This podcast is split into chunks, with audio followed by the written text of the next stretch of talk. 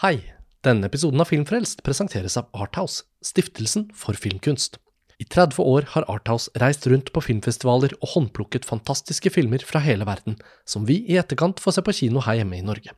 For eksempel Bong Yon-hos Parasitt, Celine Siammas Portrett av en kvinne i flammer og Michael Hanekes Amor.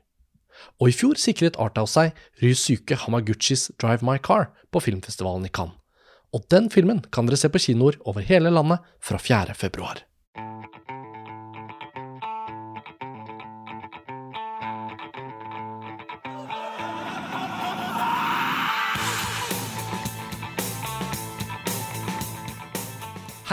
Velkommen til en ny episode av Filmfrelst, podkasten fra filmtidsskriftet montasj.no. Mitt navn er Karsten Meinick, og i denne episoden så skal vi altså gå gjennom de beste filmene fra filmåret 2021. Velkommen til årets årslistepodkast, og med meg har jeg Lars Ole Kristiansen. Hei, Karsten. Hei, Lars Ole. Og Tor Joakim Haga. Hallo, hallo. Og Roskva Korzinski. Hei. Og vi fire sitter samlet rundt et bord, og det er i seg selv veldig hyggelig, syns jeg. Um, vi har måttet gjøre en del episoder på Skype som vi vanligvis ville gjort uh, i levende livet i samme rom, uh, og sånn har det vært litt under pandemien. Vi var for noen uker siden på filmfestivalen i Tromsø sammen med gode smitteverntiltak, og alle kom friske hjem, og det føles jo som en viss normalitet er tilbake. Og jeg er innmari glad for at vi lager årslistepodkasten sånn som dette, sammen, med ark på bordet og kåringer som flyter rundt, og det blir spennende å gå gjennom årets lister. Så vi skal begynne med din tiendeplass, Lars Ole. Og da tenker jeg at uh, vi kan jo ta en kort liksom, inngang til din liste først, og så beveger vi oss bare rundt bordet. Formen på dette er jo som før, at vi starter med tiendeplassen og snakker oss oppover til førsteplassene. Og på montasj.no så blir jo alle listene publisert. Da er det topp 20-lister, så det vil være masse lesestoff etter hvert i ukene som kommer. Lars Ole, 2021. Ja, eh, 2021 ble jo da nok et år preget av at mange av rutinene liksom ikke helt var uh, til stede. Vi returnerte til både Cannes og Venezia. Ja, det var jo veldig livgivende, syns jeg. Helt klart. Samtidig så var det færre festivaler enn i et vanlig år, og færre kinobesøk. Periode med stengte kinoer, og mange titler som ble sluppet enten rett på streaming, eller på streaming bare veldig kort tid etter kinopremiere. Mm. Så jeg har jo følt meg mer som en stuegris enn vanlig. Det tipper jeg de aller fleste har. Og det har jo preget seervanene mine, ikke sant. Fordi at når man ser en film på kino, så er det litt som å gå i kirken. Det er høytidelig. Eh, man har ikke anledning til å sitte og svisje og svosje på mobilen, skravle eller sette på pause i tide og utide for å hente seg noe å spise, eller og så. Og det er klart at uh, det oppstår jo kanskje en viss forringelse når man sjeldnere får tilgang til den som sagt litt sånn oppstrammende settingen, da. Mm, mm. Og kanskje har det forårsaket at 2020 og 2021 eh, ikke har eh, liksom resultert i like mange sånne skjellsettende filmopplevelser mm. som jeg kommer til å ha med meg for resten av livet. Eh, de siste opplevelsene av den typen, eh, med noen hederlige unntak, Eh, er liksom fra 2018-2019. Ja. Jeg tror vi alle kan kjenne oss litt igjen i det. Vi varmet jo litt opp rett før opptak her med den samme refleksjonen. At vi alle fire følte at 2021, selv om vi føler at ting er på vei tilbake til normalen, så har det jo også blitt satt seg noen nye mønstre. Kanskje er det ikke evigvarende, men det er, som du sier, eh, tror jeg, litt sånn for oss alle. Så vi kan jo komme inn på det underveis mens vi går gjennom listene, men det er utvilsomt at eh, filmkulturen har fått seg en sånn et, Om ikke et skudd for baugen, så er det i hvert fall noe som har skjedd fordi pandemien har liksom inngrepet i livene våre i så stor grad at en klassisk filmopplevelse, sånn som du har beskrevet det nå, Lars Ole, den er litt skjøvet ut på litt sånn bølgete hav. Og så får vi se om den typiske store kinohelligdommen liksom returnerer og alt er normalt igjen, eller om vi går inn i fremtiden med noen endrede Og så har det jo rett og slett vært sånn at noen filmer har gjort det sjokkerende svakt eh, på kino, og derfor blitt fjernet fra programmet før man liksom har visst ordet av det. For eksempel så har mange som har levert inn topplister til montasje i løpet av de siste par ukene, forsøkt å se Steven Spielbergs West Side Story. Uh, blant annet etter å ha hørt på vår uh, euforiske podkast. men har ikke lykkes med det. Mm, fordi det ikke er å se, rett og slett. Og tatt av listen. Ja, det, er, det er mange sånne ting. Um, la oss bare gå i gang, da, eh, med din tiendeplass, Lars Ole. Og jeg er sikker på at noe av dette overlappende med hvordan vi har sett film i året, kommer til å reflekteres etter hvert som vi går gjennom de forskjellige filmene. Så din tiendeplass. Det er da en delt uh, plassering. da er vi i gang. da er vi i gang. Uh, jeg er on brand uh, Ja. med, med, med opptil flere delte plasseringer. Og det er da Brandon Cronenbergs 'Possessor' og Julia Coronas 'Titan'. Begge body horror-filmer som eh, på en måte forholder seg til og behandler, diskuterer en del av de samme temaene og motivene. Altså overvåkning, identitetsforskyvning, paranoia. Eh, og eh, 'Titan' har jeg jo diskutert opp og ned i en lang episode av Filmfrelst sammen med Emilie Blikkfeldt. Mm, fra høsten 2021. Og som det framkom i den episoden, så er jo det en film jeg tross alt er litt eh, ambivalent til. Selv om jeg også er veldig imponert over den. Ducournau uh, er en filmskaper som eh, tok meg med storm med debuten Raw. Og Titan klarte aldri å fremkalle en sånn samme type kicket hos meg, samtidig som jeg syns at filmen er eh, Den er så markant og uh, vesentlig på en eller annen måte. Altså, Mm. Det er en film som kommer til å bli stående, og jeg uh, er jo fortsatt på en måte henrykt over at en sånn film eh, kan vinne gullpalmen Det kan. Det eh, og, og, og at det er mulig å finansiere, toppfinansiere, en så egenartet film. At det fortsatt eh, er mulig da, i Frankrike. Det er jo i seg selv det gir meg tro på, på, på filmkunstens framtid, på en måte. Ja, altså Titan, eh, vi så jo den i, i Cannes. Det var jo returen til eh, fysisk festival. Det har jo blitt snakket om på den episoden hvor du hadde en dialog med uh, Blikkfeldt. Men jeg mener, det er jo også en film som jeg tenker den har splittet både publikum, kritikere.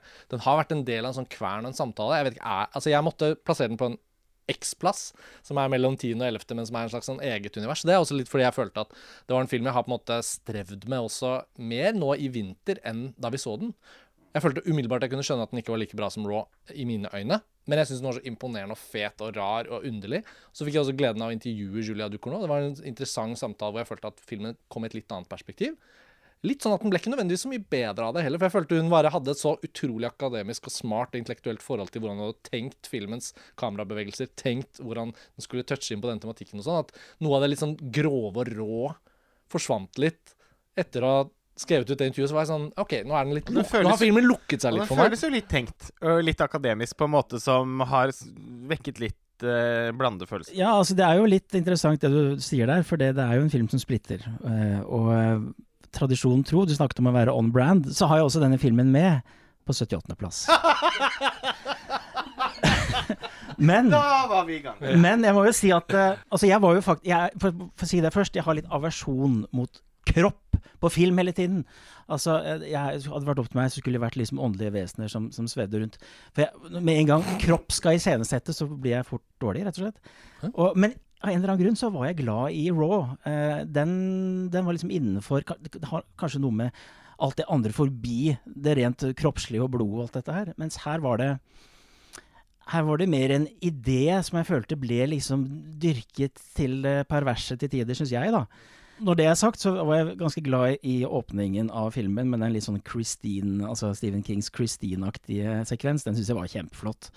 Um, og så, men så glir det inn i noe sånn litt kvalmende landskap for meg som, som gjør at jeg ikke klarte den filmen, Så, så ikke topp ti for deg, åpenbart. Eh, ja, det var bare apropos det du sa om splittene. Ja, ja, ja, ja. Er den, hvordan er den Eh, Den er ikke på topp ti hos meg heller, og jeg kjenner meg veldig igjen i, i Altså den splittelsen eh, som fins der ute, fins også inni meg. Ja. Eh, hvor det er en del ting med filmen jeg liker veldig godt. Jeg syns det er veldig interessant dette aspektet ved hvordan de to hovedpersonene i filmen møtes, og det liksom gåtefulle rundt hvor gjerne de vil møte noen som gjør at du ikke skjønner helt tror Altså det er en sånn far-sønn-tematikk hvor eh, som jeg i hvert fall syns er veldig spennende. Eh, men så er det noe med det mytologiske i filmen som jeg syns kan bli litt ja, tenkt, har blitt sagt. Jeg syns kan bli litt flatt. godt. Jeg syns ikke nødvendigvis det lever i filmen. Eh, det ligger der mer som en sånn påstand som ikke brukes til å liksom skape dybde og interessant, eller interessant kompleksitet. Jeg syns det kan bli litt sånn enkelt, på en eller annen måte. Og så syns jeg all volden bare er helt jævlig. Jeg klarer ikke å se på det. Så det gjør jo også at jeg på en måte ikke får tatt inn filmen. Jeg sitter jo og ser i fanget på en måte første 40 minuttene fordi det er så grusomt.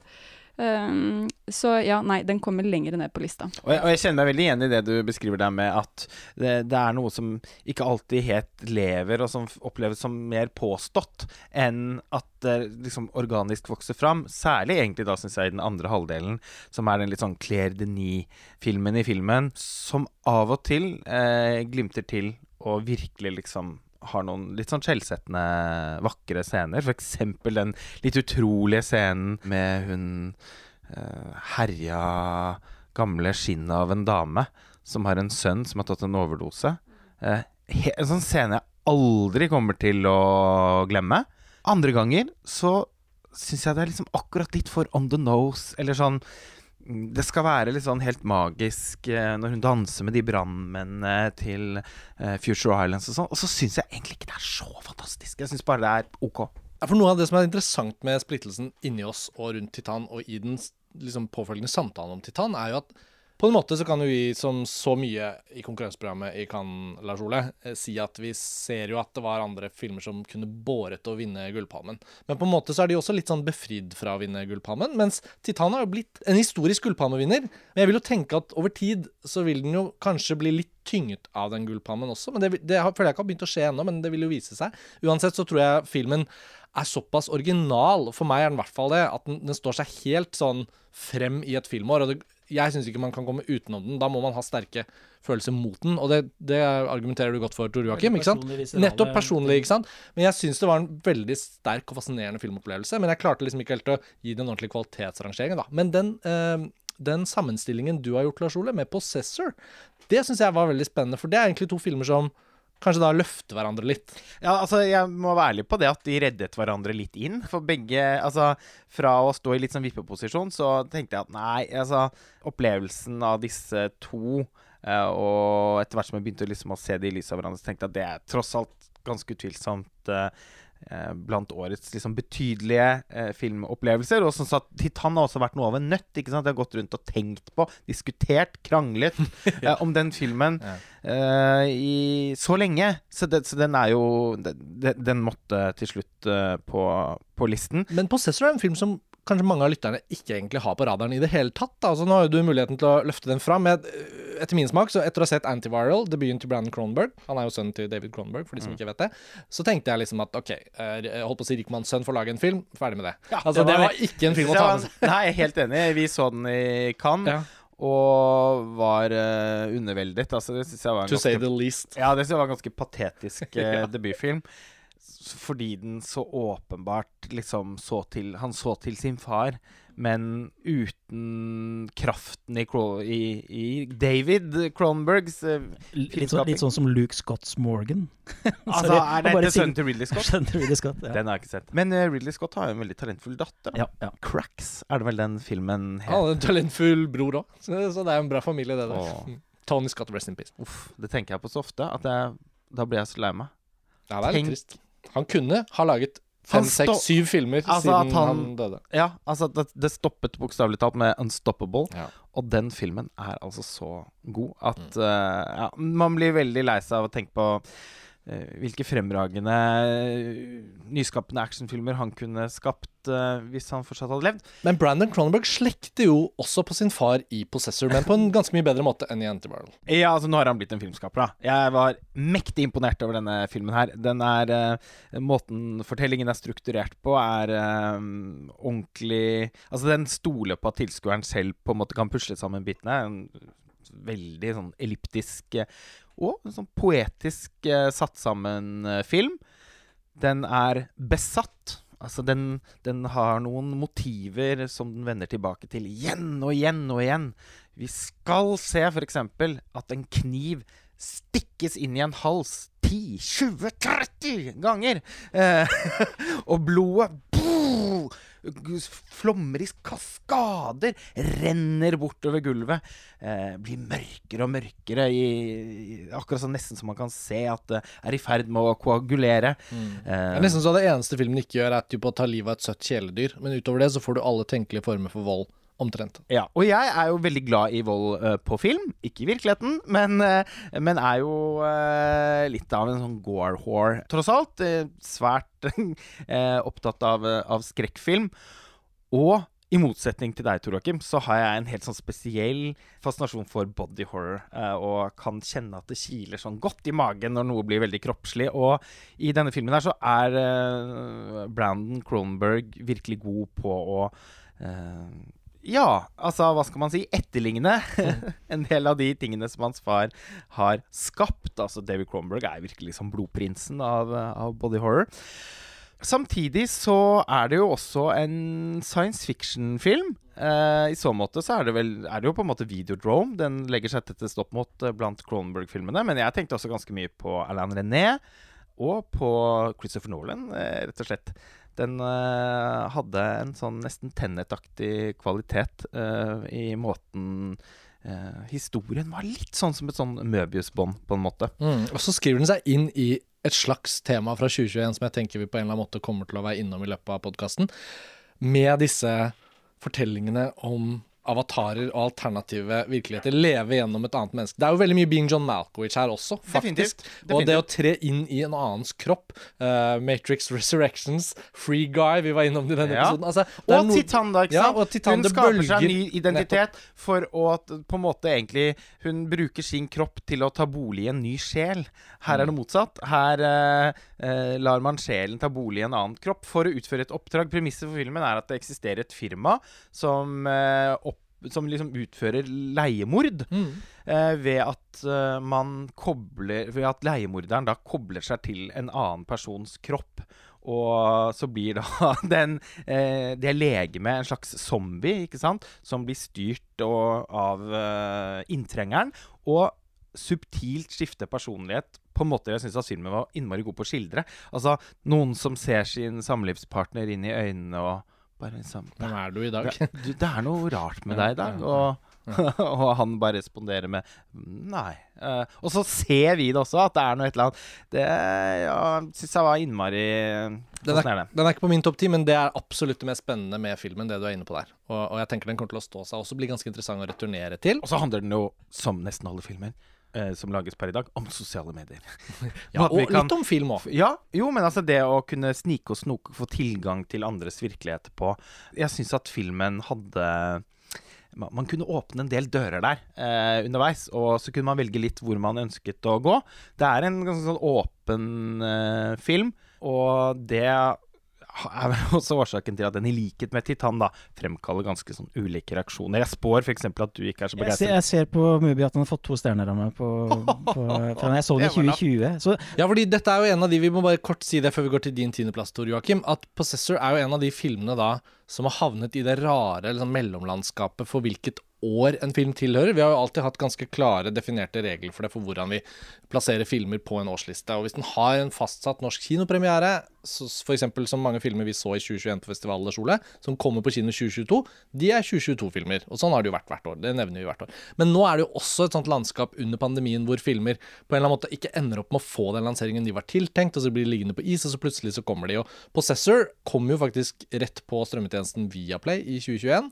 Eh, ble også utgitt på Blu-ray i Storbritannia, kanskje på slutten av 2020, men liksom importert til Norge i 2021. Så liksom, for oss er den en 2021-film, men den hadde sin verdenspremiere på Sundance 2020, måneden før pandemien. Så det er liksom Ja. Den er vel aldri blitt vist på kino Nei, i Norge? Nei, Aldri blitt vist på kino i Norge. Og det burde den jo, strengt tatt. I hvert fall festivaler. Heller ikke der tror jeg den har vært særlig mye vist. Men du lot deg ikke begeistre? Nei, men det da er det jo åpenbart noe der, da, med, med min aversjon mot den type film. Ja. For det Selv om jeg, jeg liker jo et par gamle David-filmer, altså. Cronenberg. Mm. Kanskje ikke de mest utrerte av dem heller. Nei. Nei, altså det er klart filmen er veldig grafisk og ubehagelig. Den eksisterer også i en usensurert versjon, som det viste seg at ikke var den jeg så. Så Woho! Ja, det var den meg. jeg så. Eh, Min Blu-ray store bokstaver på forsiden av coveret, sånn som i videobutikken i gamle dager. Uncut. Ja. Eller Directors Cut. Ja, men for, for dette er nemlig den Unrated. ferskeste opplevelsen min, som endte med å få listeplassering. Så jeg har ikke rukket å få se den utvidede versjonen eh, Men- i etterkant. Men har jo også da, må jo bare understreke da at filmen har noen sånne, sånne ganske tydelige kvaliteter, som jeg antar du kan eh, si deg enig i, Karsten. Mm. Den er vanvittig flott fotografert. Eh, Sinnssykt bra produksjonsdesign. Og et veldig interessant eh, soundtrack. eh, signert samme komponist som også står bak Titan, Jim Williams. Så der er man også en kobling mellom de to eh, filmene. Hvis jeg skulle sagt en siste ting før du skal fòre og din tiendeplass, Tor Joakim, så, så bare fordi jeg syns det er relevant å si om den sammenstillingen din, Lars Ole Noe av det Titan mangler, er sånne filmspråklige, virkelighetsfrigjørende grep. Noen bilder, noen overganger, noen gåtefulle montasjer eller innganger og utganger til scener som kan gjøre at vi mister litt taket på virkelighetsfornemmelsen. Og det gjør Possessor veldig bra. Altså Den bruker ikke digitale effekter Altså Det er sikkert masse digitale effekter her, men det den Jeg tror gjør det er veldig mange analoge effekter. Veldig mange analoge effekter, og veldig mange sånne på en måte gode, gamle virkemidler. da Altså Mm. korte, kjappe klipp, reiser, mentale reiser inn i montasjer som gjør at du ikke føler at rollefiguren kommer tilbake igjen der montasjen starter, men transformeres i bilder, på en måte. Og det som skjer i Titan, som gjør den litt sånn kald og konkret, er at noe av den mystikken filmen liksom sier at den har, ser man ikke egentlig i bildene. At den er Nei, litt sånn, det er ikke litt helt sånn gestaltet av filmen. også, ja. Og det har vært en sånn Det har vært en torn i siden for meg siden vi så Titan første gangen. At den mangler en eller annen sånn ting som gjør at filmen blir litt sånn ufullført, rar, at det liksom glir litt. At vi kan ikke helt plassere den. Ja. Så det vil jeg bare si helt til slutt, fordi jeg syns Ja, det er, det det er eh, Og det er også noe som skjer når du setter de to filmene sammen. Mm. Det er ikke helt sånn at man tenker nødvendigvis at de to står ved siden av hverandre, men nå gjør de det. Men det er jo sjelden at det lages body horror-filmer. Ja. Så, og med så høyt kunstnerisk ambisjonsnivå da, som da preger begge disse to her. Og i en tid hvor flere og flere kinofilmer ser ut som TV, så er jo, markerer jo begge disse to filmkunst med stor F og stor K. Tor Joakim, din tiendeplass fra 2021. Ja, men jeg må jo også bare introdusere litt med hvordan jeg har tenkt, eller hvordan jeg opplevde Absolutt. eh, 2021. da. Eh, Fordi eh, jeg har jo Jeg hadde jo et prosjekt i 2019, før pre-pandemi, altså. Hvor jeg bare ville kose meg. Jeg ville bare se opp igjen filmer jeg har sett tusen ganger, og, og få komforten i det. Nostalgiens kraft, alt dette her. Det var viktig for meg, og det fortsatte jeg med gjennom 2020, gjennom 2021. Så alle disse hullene Ikke visste jeg at de var selve livet, hadde nær sagt, men altså alle disse filmhullene som Chabrol og, og som, som jeg gjerne skulle begynt å, på å se, Romer og sånn, det gikk fløyten. Men jeg har nå sett eh, Jeg har en oversikt. Jeg har sett 291 filmer i 2021. Eh, Av dem så er bare i hermetegn eh, 119 fra 2021. Så det Jeg er helt nede på 93, Ja. som er eh, Gisp. rekordlavt. Altså, Jeg kan ikke si at jeg har telling, men det er ikke tresifret. Jeg vet ikke om det er Roscoe. Eh, tviler. Så Tor Joakim, det er imponerende fortsatt. Men, Ja men dette er jo en litt trend. Vi snakket jo litt om det. Seervaner har endret seg litt. Og, og jeg sa til deg da du nevnte dette, at for min del har også 2021 vært et år hvor jeg har dedikert meg enda litt mer til filmhistorien. Eh, og ofte til veldig positiv effekt. da. Mm. Mange av de beste filmene fra 2021 er jo strengt tatt gamle filmer jeg aldri hadde sett før. Som Mm. jeg så for første gang og fikk helt sånn bakoversveisa. Men det skal vi ikke ta nå. Um, ja. Nei, altså så er det jo sånn at tiendeplassen min alltid er eller Prøver alltid å ha, la en, en sjangerfilm være der. Eh, altså en en sjangerfilm som kanskje har gått under radaren, da, men som samtidig må være så sterk at den tross alt fortjener en tiendeplass. Og, og eh, jeg syns det er morsomt å fremheve det der. Det er liksom anledningen vi får til det. Uh, og jeg hadde jo noen flere kandidater uh, som, kunne, uh, som jeg kunne putte der i år. F.eks. Um, science fiction-filmen 'Oxygen' av uh, Alexandre Ajar. Den litt søte uh, postapokalyptiske filmen 'Finch' med Tom Hanks av Miguel Sapochnik. Og eh, ja, 'Wrath of Man' av Guy Ritchie var også faktisk en, en favoritt. Der, ja. Men den jeg endte opp med, det var faktisk en spansk film. Som heter så mye som På spansk heter den Bayachero, 'Biochero'. eh, regissert av en som heter Louise Quies. På norsk har den den, den fantastiske tittelen 'Under frysepunktet'. Veldig spennende. Det, veldig spennende. Eh, dette må du bare fortelle. Dette er helt nytt Nei, for meg. altså, eh, det- fortell alt. Det er jo selvfølgelig er, Den er ikke produsert for Netflix, men den finnes der. Eh, og det var sånn jeg oppdaget den. Og det, var, det var, ble lagt ut der i 2021, selv om den er fra 2020, da. Men den er norsk, på en måte. Netflix-premiere i 2021. Det er ikke Nå har vi nettopp snakket om Possessor og, og Titan og sånne ja, ikke bare visuelle, men visjonære filmer. Det er ikke dette. Men den er konseptuell interessant. Og, og den, den, den, er en type film som jeg er veldig interessert i. Det vil si en litt sånn klaustrofobisk thriller da, hvor, ting, eh, hvor, hvor et, kammerspill kan utspille seg innenfor et lukket rom. I dette tilfellet handler det om en, en fangetransport. Eh, hvor man skal transportere noen fanger fra A til B. Eh, og så skjer det noe underveis der. Det er en, en fyr som, eh, som, har noe uoppgjort med en av disse fangene og prøver å, å kapre da, denne bilen eh, for å ta rotta på denne, denne fyren. Eh, mesteparten av filmen foregår da inne i denne fangetransporten, eh, denne bilen. Og uh, det er noe jeg elsker. Altså, jo lengre tid det tar innenfor de fire veggene, jo mer blir man kjent med, med rommets geografi. Alle krinkel og kroker. Ja, der er det gitter, og der er do, doen inn der. Altså. Så det blir også en, en liksom For å si den klassiske floskelen, blir en rollefigur i seg selv. men Eh, så har den også en veldig interessant siste akt, da, som er også ganske litt sånn episk i noen ruiner og litt sånn. Den, den, har en del sånne konseptuelle ting som jeg syns er fint. Og så er det jo på vinteren, det er frost, det er iskaldt, det er masse stemningsbærende i det, med tåke og snø og lys som penetrerer skogsmørket. Så den var faktisk høyere opp på listen min eh, originalt. Den er blitt litt nedjustert nå, men det er på en måte min den sjangerfilmen jeg vil anbefale å fremheve, da. Ja! Så det var liksom, og en oppdagelse, da. En oppdagelse. Litt sånn som Possessor er på min liste. Ja. Men spennende. Altså, var, men var regissøren en du kjente til fra før Da? Han kjenner jeg ikke til fra før. Han heter Louise Kies. Jeg har ikke mm. sett noen av filmene hans tidligere. Eller. Spennende. Dette er jo absolutt et tips å notere seg. Jeg syns det hørtes ut som et bra premiss. Jeg føler jeg har sagt dette på tidligere årslistepodkaster, men jeg husker så veldig godt det året hvor du trakk fram den Buried med uh, Ryan Reynolds. Og da ble jeg veldig sånn klar over Det husker jeg var den første gang jeg skjønte det du mente med at du har en spesiell forkjærlighet for filmer som er veldig sånn kokt ned til én location, f.eks., eller én veldig sånn Og den Finch, som ikke kanskje er på topp 10-en din, som er en Apple Plus-film. Den 20, ja. har faktisk også jeg sett. Eh, ikke på min topp 20, men den er jo da en sånn Robinson Crusoe-aktig sånn én mann alene i en uh, I Am Legend-type film, bare med Tom Hanks og en hund og en robot. Så kast, cast away i fremtiden, eller? Ja, ja, ja. Det er jo enda bedre sammenligning, selvfølgelig. er da også like Jeg tror liksom Det dere liksom identifiserer som en slags sånn subsjanger nå, det er nok noe av det kjedeligste jeg vet om. Og så like kan man jo ikke være at man skal elske alt det samme, så det Men, men noen hederlige unntak, da. 127 timer av Danny Boyle, f.eks., syns jeg jo er Den er det vel ingen i verden som liker så godt som deg? Nei, nei, nei, nei, nei. Der er jeg kanskje nummer én. Hvor setter du grensen? Altså, når du sier Alien og Tor Joakim, det føler jeg er litt for stort altså, sånn, Er det For det er så mange rollefigurer, det er så stort, det skipet. Ja, mange korridorer og Det er jo flott, det. Det gjelder. Det gjelder. det er masse korridorer. Gjelder Titanic også? Men hva med den Oxygen med hun Melanie Melanil ja, det, er virkelig, det er en sånn Netflix-film også. Det er for den har, jeg, sånn den har jeg lagt i på listen min på Netflix. Fordi jeg synes den ser så Ja, så, jeg har heller ikke rukket å se det, men jeg er veldig begeistret for Er ikke det han som lagde den Crawl? Den krokodillefilmen. Den var litt bra. Litt sånn bra, men dårlig.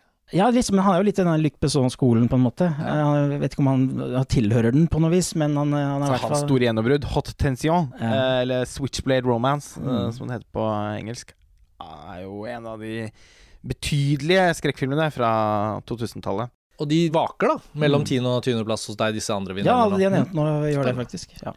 Men um, så bra.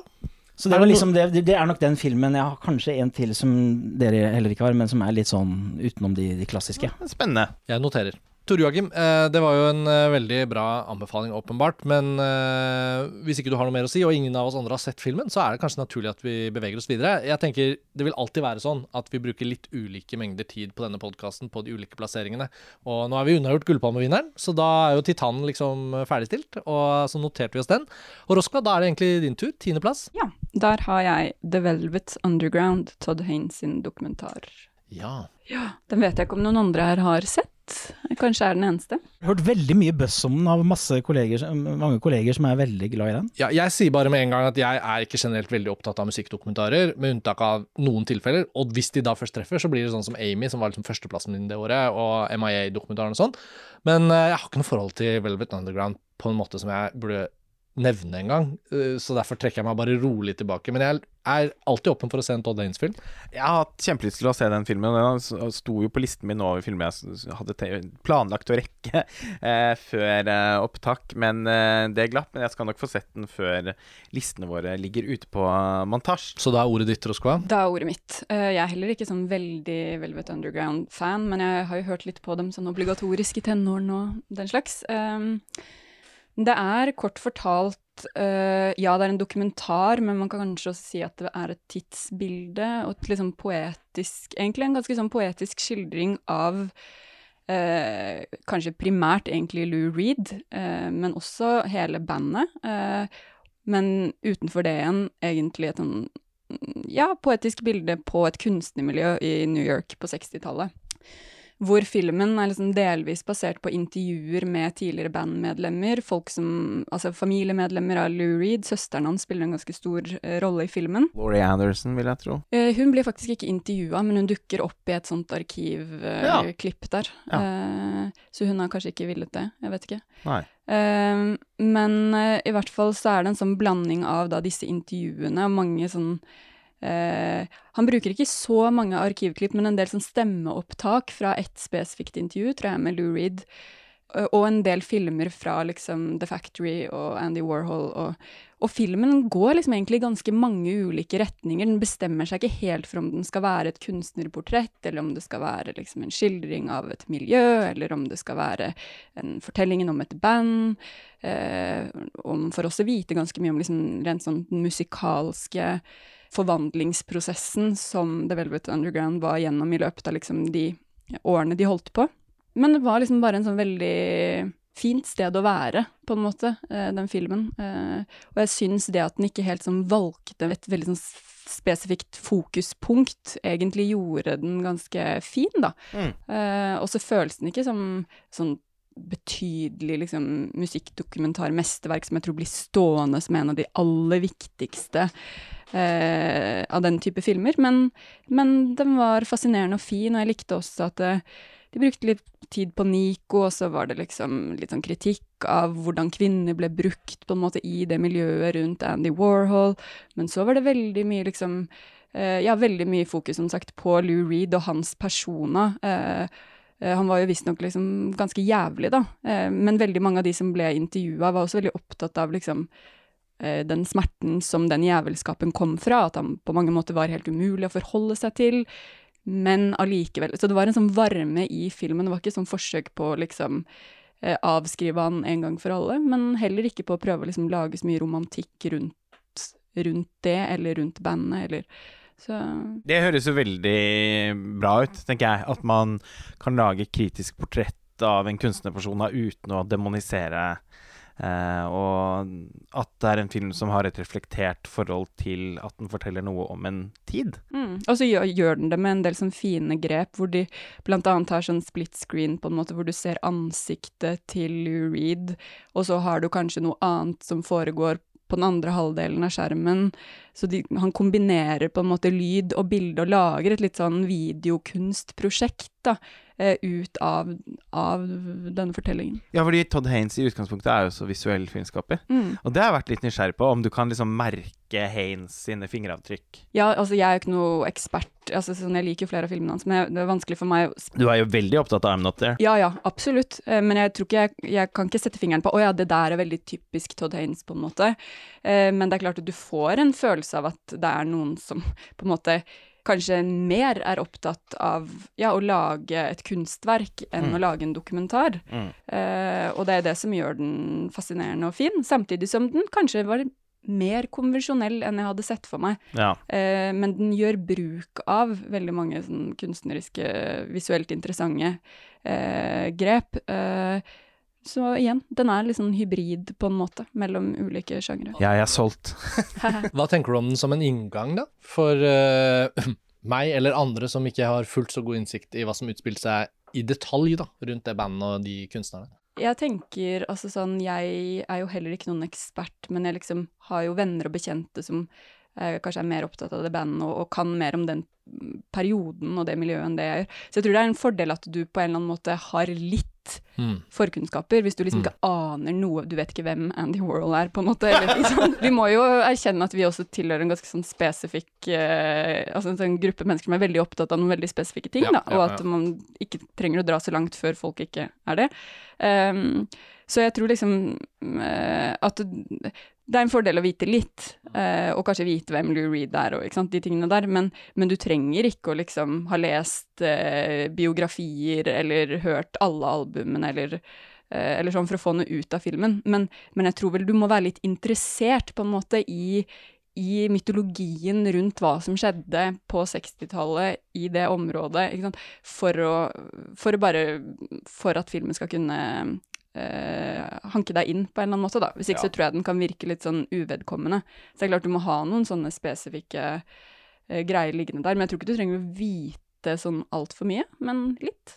Jeg tror du vet nok, Karsten, til at du kan like den. Bra. Filmen er jo distribuert på Apple Pluss, så den er jo tilgjengelig for alle som har abonnement på den strømmetjenesten. Og Så hadde den jo verdenspremiere i Cannes den nå, i fjor sommer. Da er det din tiendeplass, Karsten. Ja, jeg skulle til å si det. Er det min tur nå, eller så var det deilig at du sa det der, Lars Ole. Ja, min tiendeplass, som jeg tror jeg har gjort tidligere, er da dedikert til en film som er litt sånn utenfor allfarvei. Det er jo ingen hemmelighet for lytterne at vi ofte har overlappende filmer på topp ti. Mange i hvert fall plasseringer, fordi de aller, aller fremste filmene fra et filmår vil nødvendigvis bli plukket opp av oss. Eh, og så har man noen sånne ulikheter. Og jeg har ikke nødvendigvis en tiendeplass som er så veldig mye bedre enn min 11., 12., 13., 17. plass. Men dette er en film hvor jeg noterte meg at jeg ville trekke den fram litt, fordi den var med å liksom definere litt av eh, filmåret for meg. da. På filmfestivalen i Cannes, Lars Ole, så syns jeg vi i all hovedsak beveget oss gjennom bare en sånn bredt lag av kvalitetsfilm på festival. Mange av dem ble flyttet til 2022, så de kommer liksom tilbake til om et år, på neste års årsliste antageligvis.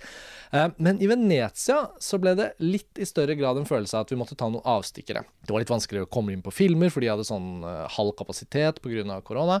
Og så er det, det Et helt forferdelig billettsystem som het Boxhall. Det ble til og med et begrep at man havnet i en box-hold-situasjon. Og det Høres resulterte ut som et sånn livsfarlig legemiddel. Ja, det kan man jo på en måte si at det litt var òg, bare i overført betydning. Du, nå husker jeg det. At jeg googlet det, og så fikk jeg fram eh, bilder av sånne medisinflasker. Så det finnes en medisin som heter Boxhold, Ja. som man sikkert ikke har lyst til å ta. Ja. Nei, Kort fortalt var dette et online billettreserveringssystem som ble tatt i bruk av filmfestivalen i Venezia. Men det jeg skulle frem til, var at når, da høydepunktene var litt sånn ferdig gjennomført, da var det litt sånn noen åpne festivaldager. Hva gjør man da?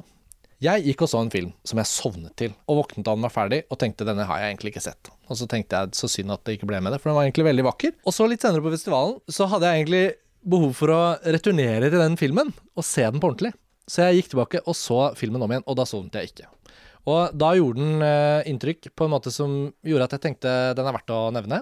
Il Buco heter den. En italiensk film regissert av Michelangelo Framartino. Og det er regissøren av en film som noen, spesielt interessert i de lavere sjikt av besøkstall på Arthouse-katalogen, kanskje husker en film som het 'Landsbyen på toppen av fjellet', tror jeg det var, i 2010. Forferdelig tittel. Nydelig film. Volte. Ja. Ja, min favorittfilm det året. Ja, ser du. Og han har laget en ny film som heter Il Buco, og den utspiller seg i noen veldig dype grotter, naturlige grotter i Calabria, tror jeg. Altså at det er en fiksjonsfilm, men den er så øh, spartansk øh, formmessig at man nesten tenker det er en dokumentar. Altså Det er så observerende kamera at ikke sant? Her, alle fordommer kan bare kickes inn her. Men fordi jeg på en måte så filmen to ganger, en gang eh, som sovemedisin, og så en gang til med skarpere blikk, så ble det en filmopplevelse som skilte seg litt ut. For jeg var så veldig tålmodig med den andre gangen, og da fikk jeg virkelig utbytte da, av sånn klassisk filmfestivalkunst. Det er ikke noe dialog i hele filmen. Den utspiller seg i ekstremt vakre fjell og da grotter. Og den handler i praksis da om et, eh, et, et sånt grotteutforskningskartleggingsteam på 60-tallet, som tar for seg det å gå ned i enhver grottegang eh, i disse områdene i Italia, og kartlegge med blyant og papir hvor grotten går.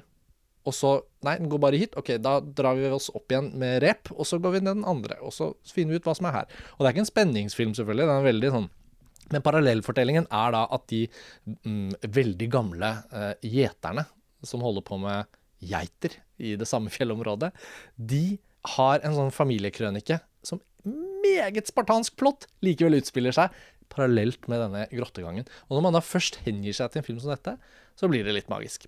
Og det var ikke egentlig en film jeg hadde liksom notert meg som sånn topplistefilm der og da, men det var nå, nå liksom etter nyttår, når vi begynner denne prosessen, som lytterne sikkert skjønner at vi bruker litt god tid på. Årslistene våre kommer jo gjerne da litt uti det nye året, fordi vi skal ta inn over oss det vi har sett, og kanskje ta igjen litt og få sett litt filmer vi har hørt at vi burde se og sånn.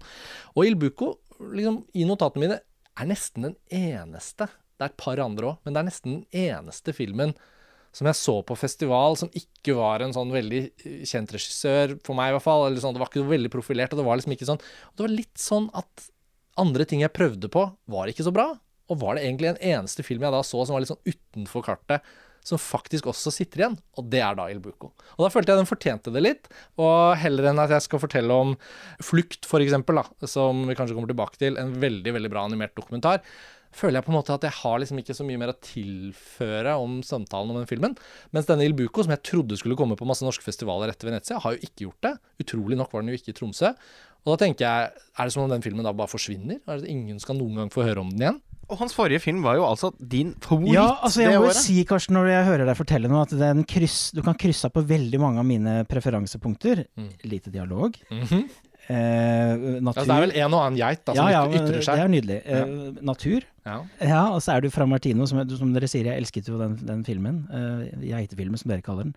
Men mye bedre. Den heter vel Il Quattro Volt eller noe Ja, sånt. La på Quattro jeg. Landsbyen på toppen av fjellet. Landsbyen på toppen av fjellet. Så jeg må si eh, men, nå, Jeg får jo litt assosiasjoner til også til den Werner Herzog og Hule-filmen. men det er Ja, den ikke- tenkte jeg på. Den var jo Cable's Forgotten Dreams. Ja, fantastisk. Men, men det er kanskje ikke helt eh, Nei, altså, på en måte så har jeg jo sagt det essensielle her, men den er veldig usymfonisk, ikke sant. Det er ikke noe sånn The Grandeur of Nature. Ikke noe voiceover, ingenting sånn. Og det var jo en grunn til at jeg sovnet første gangen. Man er på festival, man er kanskje litt sliten, man ser den litt for sent. Og så, og så er filmen Filmen byr på den absolutte fred og ro, ikke sant. Det jeg mener som en kvalitet, men det er også sånn selvfølgelig skal man jo holde seg våken og se en film ordentlig. Og da jeg så den andre gangen, så skjønte jeg jo også at det var jo heller ikke så voldsomt mye jeg hadde gått glipp av. Det var jo det som var litt utrolig.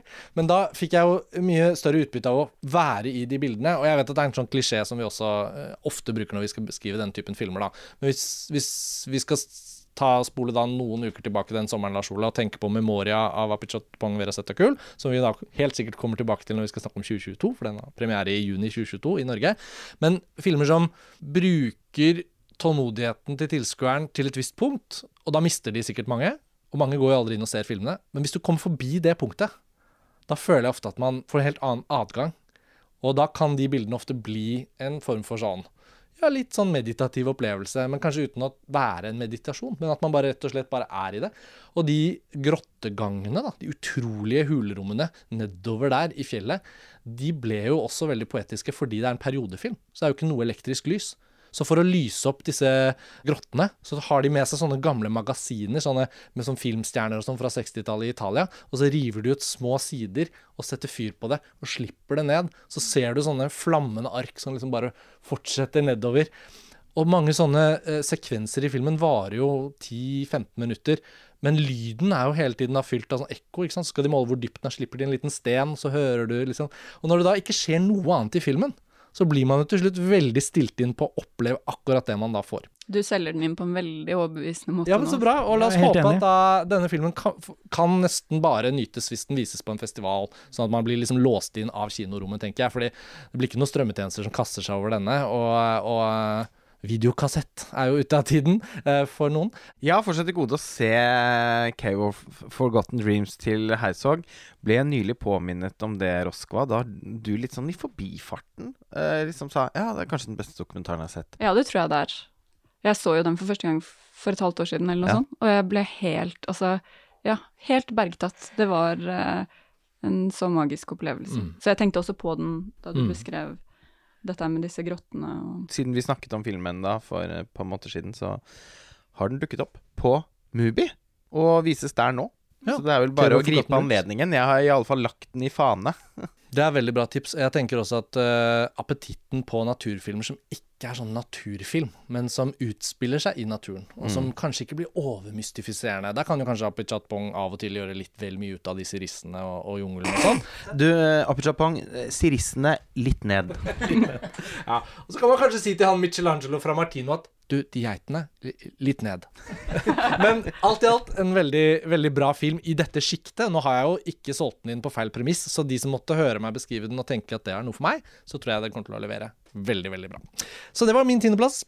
Lars Ole, vi kan uh, bevege oss uh, direkte videre til din niendeplass. Ja, her er ikke så mye å si, for den har jeg snakket om på podkast tidligere. Uh, Paul Schraders The Card Counter, en slags søskenfilm til First Reformed. Og også denne handler om selvransakelse, synsforlatelse, eh, eksorsisme. Jeg mener å huske at vi gikk meget grundig til verks da vi diskuterte denne filmen i Venezia, på en podkastepisode derfra. Men eh, Roscoe, som eh, i en lengre periode har eh, satt seg inn i, i både Schrader og flere av hans eh, inspirasjonskilder, Bresson, Reier, Ozu Du har også The Card Counter på listen, vet jeg.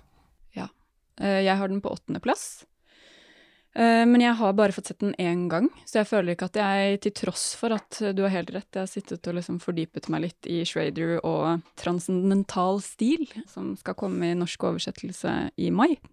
Så jeg vet ikke om jeg har så veldig mye mer å tilføye enn det dere allerede har snakket om på podkasten, men eh, nå følte jeg jo at jeg litt fikk i oppgave. Ja, nå ble det litt din oppgave, i og med at du ikke deltok på den. Og så grundig gikk vi ikke til verks, Karsten, for det var tross alt en episode der vi snakket om flere filmer fra Venezia. Eh, du øh, hadde jo First Reformed som din nummer én Ja, ja. i 2019, var det vel. Ja, det var det vel.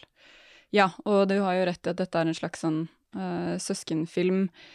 Samtidig som det selvfølgelig er noen vesentlige forskjeller, fordi First Reform handler om en prest, og den handler veldig mye om hva det vil si å ha en sånn type oppgave, og på en eller annen måte føle deg, og kanskje også være eh, skyldig, da, i mange varianter av det ordet, og samtidig være den som skal forkynne Guds ord. Mens denne filmen handler jo om en tidligere fengselsinnsatt eh, som har vært fangevokter i Abu Ghrabi, er det vel, og har utført en del veldig grusomme gjerninger der på kommando fra en, uh, sin sjef, da. Men de har veldig mye til felles på den måten at det handler om at de begge kommer til et sånt punkt hvor det å gjøre noe fryktelig på en eller annen måte føles som det eneste moralsk rette. Uh, og der uh, presten, som er hovedpersonen i First Reformed, kommer til et sånt punkt eh, i sin tro og i sitt liv hvor han blir overbevist om at det rette å gjøre er egentlig å begå en veldig voldelig handling, da. Så havner hovedpersonen i Card Counter, som har begått veldig mange grusomme handlinger tidligere, og på en eller annen måte har prøvd å om ikke akkurat stable et nytt liv på beina, så i hvert fall leve et slags sånn stille liv i periferien av de andres liv, for ikke kanskje å havne i relasjoner, situasjoner som kan vekke lignende impulser i han igjen. En slags askese. Ja, en, ja, en slags askese. Eh, havner også i en lignende på en måte moralsk konflikt, for nærmest kanskje å unngå å havne i en situasjon hvor eh, voldelige impulser, følelser, begjær generelt kan komme til uttrykk. Og lever en sånn Hele livet hans er blitt en slags sånn botshandling, nærmest, eh, på sitt vis. Og må revurdere på en måte sin egen fortolkning av uh, hva som er rett og galt, da. Ja, jeg er faktisk eh, veldig enig i det. det, det. Jeg har også filmen høyt oppe. Den er rett uh, etter topp 20. Um, og um, jeg var veldig glad i First Reform, det også, som deg. Og, og uh, han viderefører det, en, et element som jeg alltid syns er fascinerende på film, og det er, er liksom Robert De Niro er, er, er erkeeksempelet på det. En, en rollefigur som, som bærer på noe mørkt og traume eller hva som helst, men, men hvor, hvor han fremstår ganske sånn lakonisk og, og, og stoisk eh, gjennom en film, men du, du føler at det, her er det noe som bobler og syder ikke sant, under. Eh, og det er jo First Reformed et eksempel på, det er også denne her et veldig godt eksempel på. Det små Og Oscar Isaac sin ja, rolleprestasjon her var små påfallende De. Niro-aktig. Ja, ja. Ja, jeg har den også veldig høyt. eh, Tolvteplass. Jeg syns den, den vaket jo helt opp mot topp ti. Og så kjente jeg liksom bare at jeg hadde tømt meg litt rundt den filmen da vi så den. Vi hadde mange samtaler over bordene. Jeg følte den var liksom veldig sånn del av Venezia-opplevelsen vi hadde i september 2021. Og så artikulerte vi jo det litt i den diskusjonen, som sagt. Men den sitter veldig godt i. Og nå som du er i gang med å snakke om den, Roscoe, kjenner jeg liksom filmen kommer til liv med en gang. Og den skiller seg også radikalt fra nesten noen andre på en måte forsøk på å behandle lignende ting i nyere film på, på lenge. da. Det er jo First Reform som er forrige gang. Og da må man jo også sette ord på det faktum at Paul Schrader holder seg så vital. Det er rørende at han fremstår så gammel og slitt i intervjuer og på podkast, mens når han lager film, så er det som om han har sånn klarsyn som, som en eldre filmskaper, da, og lager ting som er både så moderne, men også så eh, liksom han, han behandler tematikken som du beskriver, Oskar, på en sånn måte som gjør at jeg føler Card Counter kan stå og den kunne stått der hvis den var laget for 30 år siden, og den kan på en måte også være det om 30 år. Den har en sånn evig kaldt, men presist over seg, og tematikken er så gyldig, liksom. Det kunne vært en veteran fra Vietnamkrigen, ikke sant. En en sånn New Hollywood-film. Helt fint, samme historien. Ja, og så er det veldig spennende å se både denne og First Reformed eh, i lys av den transcendental stil-boka, fordi Mm. at der eh, analyserer han jo blant annet Bresson, og avslutningen på Card Counter ligner jo ganske mye på sluttscenen i Pickpocket, eksempel. Så det å se hvordan eh, og i First Reform det er det jo helt åpenbart hvordan han på en måte bruker både Bressot og Bergman Nattverdsgjestene til Bergman. ikke sant? Men også eh, visstnok den derre En landsbyprests dagbok, Ja. som jeg ikke har sett, men som, som filmen ligger veldig tett opp mot. det.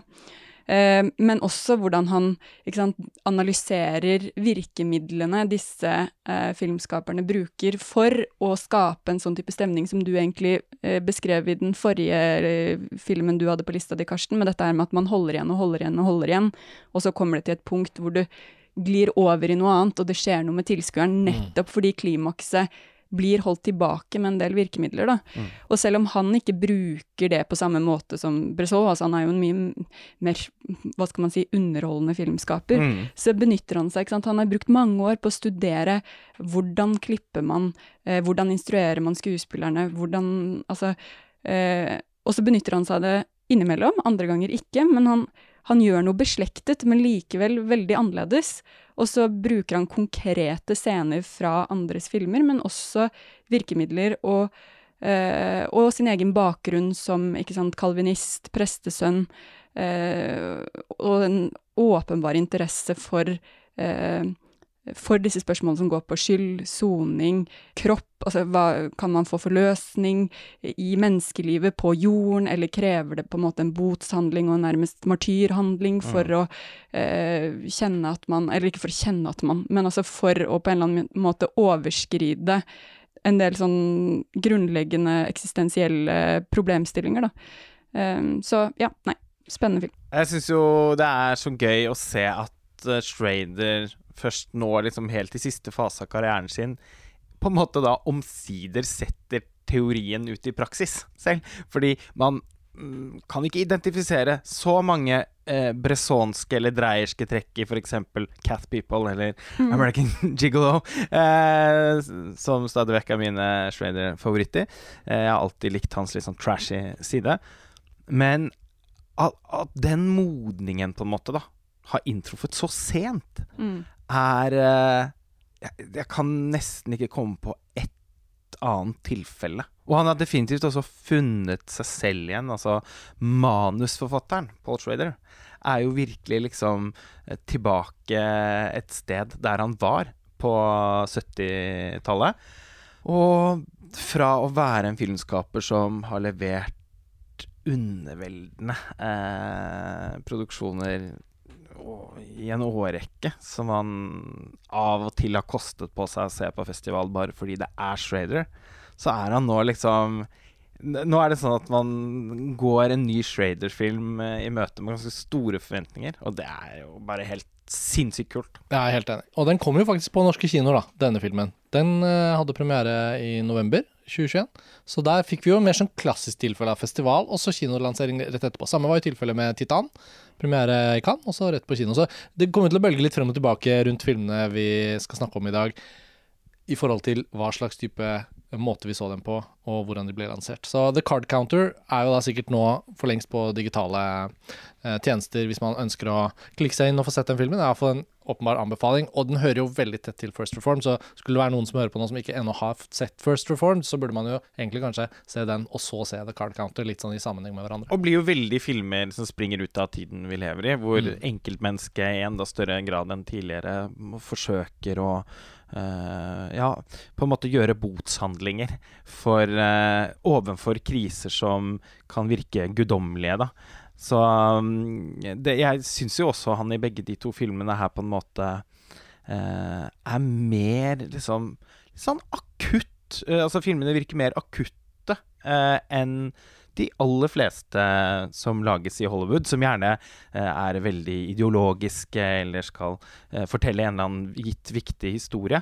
Eh, de har jo ikke den eh, Han er jo på en måte bare altfor kul og smart til å vifte med pekefingeren og moralisere og gjøre sammensatte følelser enklere eh, og, og flate de ut. Jeg syns jo kanskje den viktigste kvaliteten ved begge de to filmene for meg, er at jeg kjenner et temperament og en uro der, da. Mm. Mm. Veldig. Så det var din niendeplass, Lars Ole. Din åttendeplass, Roskva. Min tolvteplass. Og Tor Joakim, den var ganske høyt hos deg Ja, også. 20 et eller annet. Mm. Skal vi bevege oss videre til din niendeplass, da? Ja, er dere klare for en ny runde med splittelse, krig, blod og uenigheter? Ja! Fordi fordi på min niendeplass, der finner vi Matrix Resurrections. Nei! OK, OK, ok, stopp pressen. Nå, nå blir det blod. Er det nå du skal si, Lars Ole? Og den er på min 111. plass. Nå er det din tur. Ja, den er eh, på min nest siste plass i år. Yes. Og det er jo en straff, da, eh, ikke bare en vurdering av filmen. Eh, Jeg skjønner at flere har fått mye ut av den filmen, og har ikke noe problemer med å, å identifisere det. Men for meg så blir det rent personlig, da, en tankelek. Eh, jeg kan mime at jeg på en måte lar meg fascinere av de og de metaaspektene og eh, det sånn forsøksvis eller potensielt subversive elementer, men jeg bare I can't feel it. Så for de av lytterne som av en eller annen grunn ikke har hørt episoden vår om Matrix Resurrections fra romjulen, eh, så kan dere jo da spole litt tilbake og høre på den hvis dere vil høre den blodsutgytelsen det var. For det var Slaktorama, og desto mer eh, kontrasterende, da, Tor Joakim, at du nå skal få muligheten til å fortelle hva vi tok feil. Ja, det blir en voldsom prosess med en voldsom lang forsvarstale, men eh, men Kjør altså, på, tenker jeg. Nei, altså det er, jo, det er jo La meg starte litt på deres lag, da. Det er enklere å gjøre det på den måten. Altså, det er ting jeg savner i den filmen. Og man, det er jo ikke til å komme utenom at man føler på et visst savn knyttet til noen ting. Jeg savner den giftige, blasse, grønne fotoet fra de tre første, må vi egentlig si. Og eh, det største savnet for min del her var fraværet av komponist eh, Don Davis, som er så utrolig viktig for hele uttrykket. Jeg syns ikke at Tom Tommy Tykver og Reinhold Heil gjør en særlig god jobb eh, i denne filmen. De prøver av og til å hinte, men det blir ikke det samme. Og så er det jo noen tilleggselementer her, som også er litt rare i et Matrix-univers. Altså med disse litt, sånn, litt søte robotene, kanskje. Hva, hva, det, det var noe nytt. Hva er det? Eh, jeg husker at du, Lars Ole, sa de var litt Avatar-aktige, men eh, Ja, First Price Avatar. Men men når alt det er sagt Og så er det noen enkeltsekvenser som er tåpelige med han, eh, han der Merovingian eller for noe sånt. Og den der, der. Så Søppelmonsteret. alt dette her kjente jeg, jeg så den jo på Imax, ikke sant. Og jeg, jeg, jeg kjente Å ja, ok, ja vel, ja, ok, du gjør sånn. Mhm, ja, greit. Men Du så, så den på Imax? Jeg så den på? Imax, ja. For jeg t- lurer på om filmen fungerer bedre på liten skjerm. Det har jeg tenkt på. Jeg. Du tenker feil med Tor Joakims påsyn her, at det var for stor skjerm? okay, OK, Nei, få nei, for det Ja. er faktisk poenget mitt. At Ja. når jeg kunne legge fra meg alt det filmen ikke skulle være, og så kunne jeg se på hva den var. Og det er da kanskje særlig, syns jeg, faktisk det visuelle uttrykket. For det er en helt annen type estetikk som dyrkes her. Det er et sånn litt sånn mørkt film noir-aktig preg. Den er nesten spilt inn utelukket, utelukket på, på natterstid.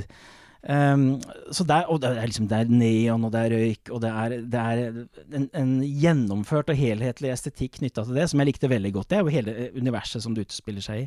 Jeg likte også veldig godt denne nye Sion da, som de har laget, som er en slags krysning mellom maskinbyen og, og menneskebyen. Enda mer konkret enn en det var i de første filmene. Mm. Veldig smart løs, syns jeg, med disse, disse søylene.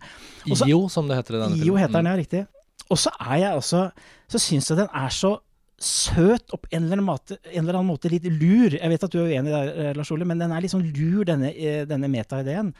Um, og ikke minst det at hvis man først skal lage en oppfølger, etter at han jo på en måte dør i, i Revolutions denne ideen om at de rett og slett er for verdifulle fordi de er så gode batterier. Det er jo det som er Mm. altså, og Det er noe søtt over det. Kjærligheten mellom dem er, gir fra seg så mye sterk energi at det er, det er liksom årsaken til at de er gått videre. Og så kan man jo diskutere om de tar Det er veldig sånn new age. New Age, og det kan jeg godt like. Litt spirituelle, åndelige ting. Det har jeg snakket om tidligere. Um, og så kan man diskutere hvorvidt metaperspektivet kanskje trekkes litt for langt uh, til tider. Og det er jo tydelig at, eh, at Lana Wachowski kanskje ikke er eh, veldig inspirert. Hun har tatt det som en oppdragsfilm, nærmest, kan det virke som. Og har en litt sånn tøysete tone med prosjektet selv, har jeg, har jeg i hvert fall sett i noen intervjuer. Uh, så den strikken er kanskje trukket litt langt, men igjen genial at hvis han først skal holdes på og, og, lulles inn i en, en, en fiktiv virkelighet, så er det nettopp det med den, dette dataspilldesigneren som han jo er. Ja, at liksom at maskinene tenker at hvis eh, kroppen til Neo skal liksom holdes i live fordi den er så bra batteri, så må vi gi han en alternativ virkelighetsoppfatning som tar opp i seg det faktum at han Ja. Ikke sant? Sånn at meta-elementet er jo på en måte litt i hermetegn forsvart av at maskinene også evner å tenke Nettopp. at selve iscenesettelsen skal i seg selv være ja. ja. Så, men jeg kunne gjerne ha stoppet der. Så er det jo, Den fortsetter jo enda litt til da med noe styremøte hvor de snakker om eh, oppfølgere av Warner Bros. og sånn, som de godt kunne ha roa litt ned. Da blir det jo veldig konkret igjen, syns jeg. Så, så, men altså, jeg, jeg, jeg har sett, nå har jeg sett filmen tre ganger, eh, og jeg får altså, For meg handler jo veldig mye av filmopplevelse om, om sted og, og atmosfære, hvordan det er iscenesatt, Mm. følelsen av å være der. Jeg Syns du iscenesettelsen er så Altså actionsekvensene, syns du de lever opp til Nei, altså, men hva altså, Du tenker at det, det er jo ikke noe revolusjonerende bullet time eller noe sånt som, som dukker opp her. Eh, Det er jo ikke noe sånn eh, ny form for visuell kinetikk. Eh, men det er noe med Det er noe igjen da med dette her Det er regn, og det er neon, og det er lys, og, i- og, og i dette landskapet så, så fungerer actionsekvensene Jeg syns det skaper litt tekstur til det. Jeg syns det er skutt på en sånn flat digital video. Jeg syns det så skikkelig Ja. kjipt ut. Og veldig hakkete, uoversiktlige actionsekvenser. For meg er det det verste med filmen, da, uansett. Så, så så likte jeg også den, den ideen med speil. Jeg bare si at det nå er speil og portaler. Jeg er veldig opptatt av portaler i film. Ja. At de nå går gjennom sånne speil og vinduer. Og sånn, Men det var kjempekult! Ja. Eh, og eh, altså, det er mye av liksom, tankegodset i og for seg. Liksom, eh, potensialet eh, i premisset som, som er egentlig ganske positivt innstilt overfor. Men jeg tror det har litt med å gjøre at For jeg har ikke så store problemer med å forstå at man kan ha mye større glede av filmen enn meg selv, som det kanskje fremsto i den første podkasten. Det er bare det at for meg så har The Matrix-trilogien alltid vært 80% actionfilm. Ikke sant? Eh, la oss si 20% science fiction. Eh, Du har ikke gått og sitert filosofien i de filmene så mye opp gjennom årene? Nei, for jeg syns det er det minst fascinerende aspektet ved The Matrix. Og det vet jeg at er helt annerledes for mange andre. Men jeg syns også de filmene eh, aller fremste styrke er at de inneholder noen av de mest oppfinnsomme og virtuost eh, iscenesatte actionsekvensene i hele filmhistorien. Og at de er preget av så utrolig god smak i både musikken og eh, koloritten i fotoet. Masse tekstur. Man kan kjenne liksom tyngdekraften i, i, de- beste eh, actionsekvensene. Og alt det var bare helt fraværende i The Matrix Resurrections. Og for Ja, meg så er det en så kan- jeg kan- monumental Jeg kan skuffelse. si, si det, jeg har heller aldri vært tiltrukket av de originale filmene pga. Platon og Baudrillard og alle disse her. Det har ikke vært det som har vært inngangsporten min. Det har vært eh, Hulelignelsen og- ja, Jeg kan ikke synes at det er kjedelig. Eller altså, jeg kan ikke snakke om filmen, for jeg har ikke sett den. Men jeg trodde det var Platon som skulle trekkes med i dragesuget her. Som en sånn New Age-tenker. Nei, det er Nå ryker de greske filosofene. Nei, nei, nei. Altså, det er jo Altså, simulakrum, ikke sant. Altså med, men at det. Spørsmålet er om Wachowskiene klarer å filtrere alt det og få det til å bli spennende i actionuniverset sitt. Mm. Og der er jeg enig med Lars Ole at det er jo som innovative actionfilmer, som filmopplevelser med helt særegent originalt og ambisiøst gjennomført actionstoff, liksom. Å kunne dyrke det har vært en stor glede. Jeg syns det er det som står seg best, da, i hvert fall. Ja, eh, den filosofiske liksom, dimensjonen var hakket heftigere for meg da jeg var 16 enn nå. Som du så hjerteknust introduserte Resurrections-episoden vår med. Ja, Lars Ol Nei, Karsten, vi har jo sett opp igjen de tre originalfilmene og gledet oss og Vi ble veldig skuffet, vet du, Tor Ja, Joakim. Vi ble så ja. sinnssykt skuffet. Jeg vet. Skulle jeg, Jeg vet. skulle jeg klart å gjøre det du har gjort her, og løsrive deg og la det være med det, og heller ta filmen som den er. Jeg har ikke hatt noe gjensyn med den. Nei. Det blir ikke med det første.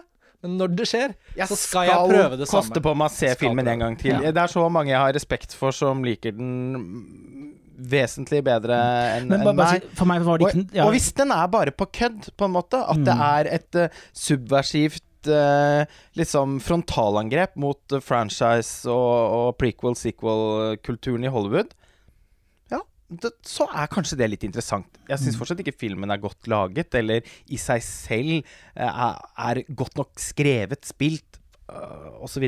Men hvis det viser seg i et eller annet intervju med Lana Warskowski om fem år, eller noe sånt, at alt sammen egentlig bare var, var en slags sånn trojansk hest, så er jeg åpen for uh, Jeg lurer faktisk på om, om hun, hun mener det, da. Uh, bare si at jeg har kan, det, det det er noen ting som tyder på det, og Ja. i så fall så er jeg Men da må jeg på en måte Det er litt sånn bare fuck you-film fra henne, har jeg fått Ja. inntrykk av, i hvert fall.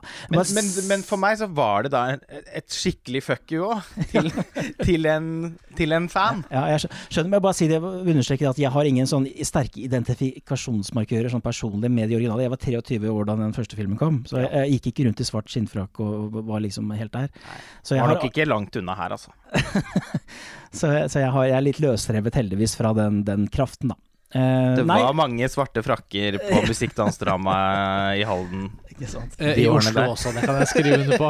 På Steinskolen i Fredrikstad også. Ja, så Nei, men det er klart men, Og jeg og Karsten var liksom i en sånn veldig formativ fase i de årene der. Ikke sant? Så Matrix, det betyr noe. Mm. Og da er man kanskje også litt sånn sartere når det blir mm, kødda med, da. Ja. Eh, jeg er spent på hvordan den filmen kommer til å liksom stå seg i årene framover. Jeg er åpen for å returnere til den med et litt annet blikk, men uh, da må skuffelsen få lagt må- seg først. Jeg må bare og- si jeg er veldig glad i den Jeg liker den inngangsporten at du, du setter den filmen så lavt pga. straff, for det er noe jeg gjør ofte selv. Ja.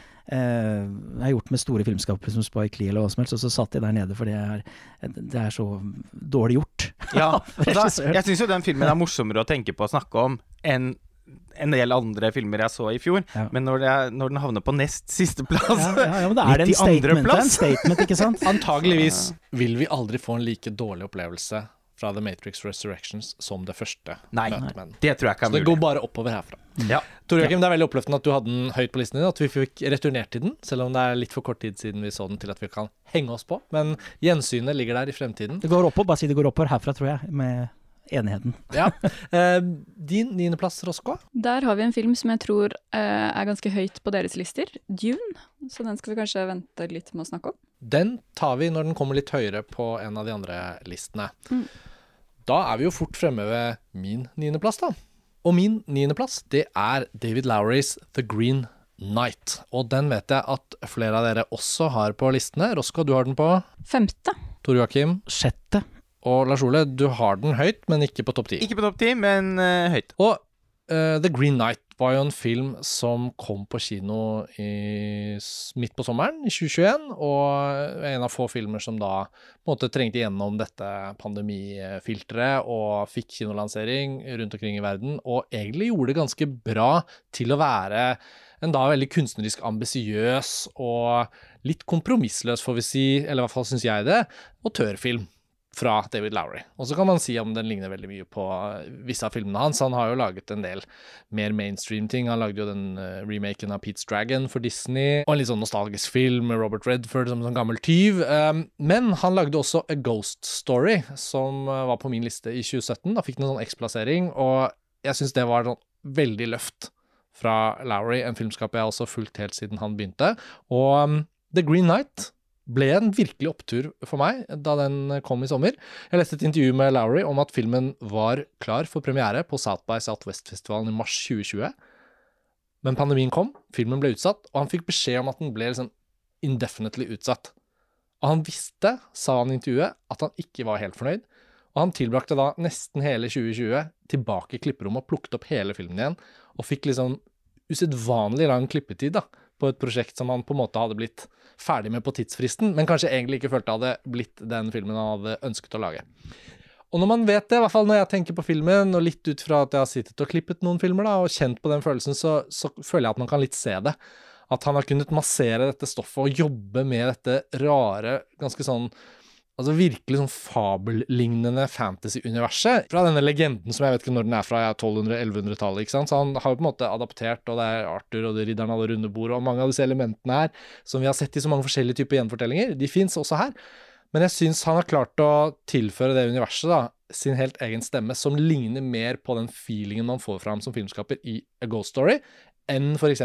i da Pete's Dragon, eller litt mer sånn eh, kommersielle ting. Da. Så det blir liksom spennende å se også i fremtiden hvor Lowry legger seg til slutt som filmskaper. Men jeg føler at The Green Night er en sånn film som viser at han har det potensialet til å jobbe i møtepunktet mellom på en måte et kommersielt uttrykk eller en, en, periodefilm, påkostede fortellinger med litt sånn eh, konvensjonelle elementer, men at han tilfører noe, da. Det syns jeg var absolutt beste med The Green Night, og som gjør at den har stått seg veldig gjennom året, er den følelsen at han har tatt fantasy og blandet det inn med en sånn litt kompromissløs og tørlignende kunstnerisk sånn ambisjon om å gjøre det litt utilgjengelig, men ikke på bekostning av at den også er en sånn god gammeldags fortelling, da. Jeg synes det møtepunktet mellom litt sånn et eventyr du leser på sengen til barna, versus det å være en litt sånn hardcore film eh, på den vil, det likte jeg veldig godt. Så eh, der står omtrent Green Out for meg. Men siden alle har den ganske høyt, så må vi jo ta runden litt, føler jeg. Ja, jeg tenker på det vi snakka om da vi snakka om Titan, og hvordan den føles veldig tenkt, og hvordan man bruker på en måte en litt sånn arketypisk bilde i den filmen som et utgangspunkt, og så føler du ikke at det skjer så mye. Eh, at den symbolikken blir liksom flat. Mens her opplever jeg at det motsatte skjer på en eller annen måte, da at det nærmest oppleves som en nesten sånn jungiansk selverkjennelsesreise, hvor han møter på noen arketyper. Og det kan både ses som en, ja, en ridderfortelling, som det jo er, men også veldig lett å lese inn i en mer sånn psykologisk fortolkningsramme. 1900-talls, liksom, mm. Freud-Jung. Mm. Eh, samtidig som du, som du, sier at liksom, den er jo vanskelig, så bildene lar seg ikke nødvendigvis avkode sånn 'Å ja, dette er et bilde på liksom eh, seksualitet virkeligheten og dette er. Altså sånn, det er veldig rikt og komplekst, og du, du, kjenner at noen ganger så er det veldig vanskelig å vite hva det er snakk om. Andre ganger så instinktivt forstår du det med en gang, hva disse bildene, figurene, skal representere. Men, men, dette var en sånn film som i hvert fall for meg først og fremst bare føltes veldig rik. Føltes som om den var lagd av noen som genuint var interessert i denne myten, og interessert i mm. hva denne myten betyr på et psykologisk plan, på et emosjonelt plan. Uh, og det var bare et sånn veldig spennende univers å være i, da. Mm. Selv om jeg uh, i utgangspunktet nok reagerte litt på det visuelle uttrykket som er liksom ganske kitsch på en eller annen måte, og tenkte sånn wow, hjelp, hva er det her? Uh, men, men, så ble jo det et element også som gjorde det litt spennende etter hvert. Ja, for jeg føler at en liten sånn briljant ting Lowry gjør her, er at han har ikke satt seg så høyt på sin hest at han ikke kan filme en kro med more wine og fløyte og litt sånn at vi er i Ikke sant? En lutt inn fra venstre. ja, altså at han, han, tillater at det som også gjør det litt sånn campy og, og, og teit, litt får være med i filmen. Mm. Men så overstyrer han det med såpass stor på en måte kraft i det vi kanskje da begge liker så godt med den filmen, Roscoe, at, at den klarer liksom å mette bildet, mette universet. Han må være interessert, som du sier, for å gidde å lage så forseggjorte eh, bilder og, og, og, omgivelser på en tross alt ganske lavbudsjettert film i denne sjangeren. Da. Og jeg tror det var noe sånn 15 millioner dollar i budsjett, eller noe sånt, hvis jeg ikke husker feil. Altså, den, ser jo mye flottere ut enn det. Ja. Altså, uh, man det er ingen store stjerner som koster penger å caste. Nei, men man kan jo på en måte av og til se at budsjettet ikke har vært uh, eh, større enn at man har måttet satt liksom noen begrensninger. Men jeg tenker at de begrensningene har eh, igangsatt kreativitet. da. Og altså, bare det å sitte og stirre på kostymene her eh, Ringene, smykkene, sverdene, knivene, øksene, slirene Altså, Jeg synes syns det var vel så flott som i for eksempel John Bormans uh, Excalibur, som jo er betydelig dyrere film. ja, og som jeg så opp igjen i forbindelse Ja, med The Green Knight. Ganske ruskete gjensyn, Uh, ja da, si. men, men teksturen er der. Der er det mye more wine der. Hadde tidens tann gravd seg litt ned i Altså, kjøttet der òg, eller? Er så en scene hvor de sitter på Ja, det er vel en kongshall eller noe sånt og,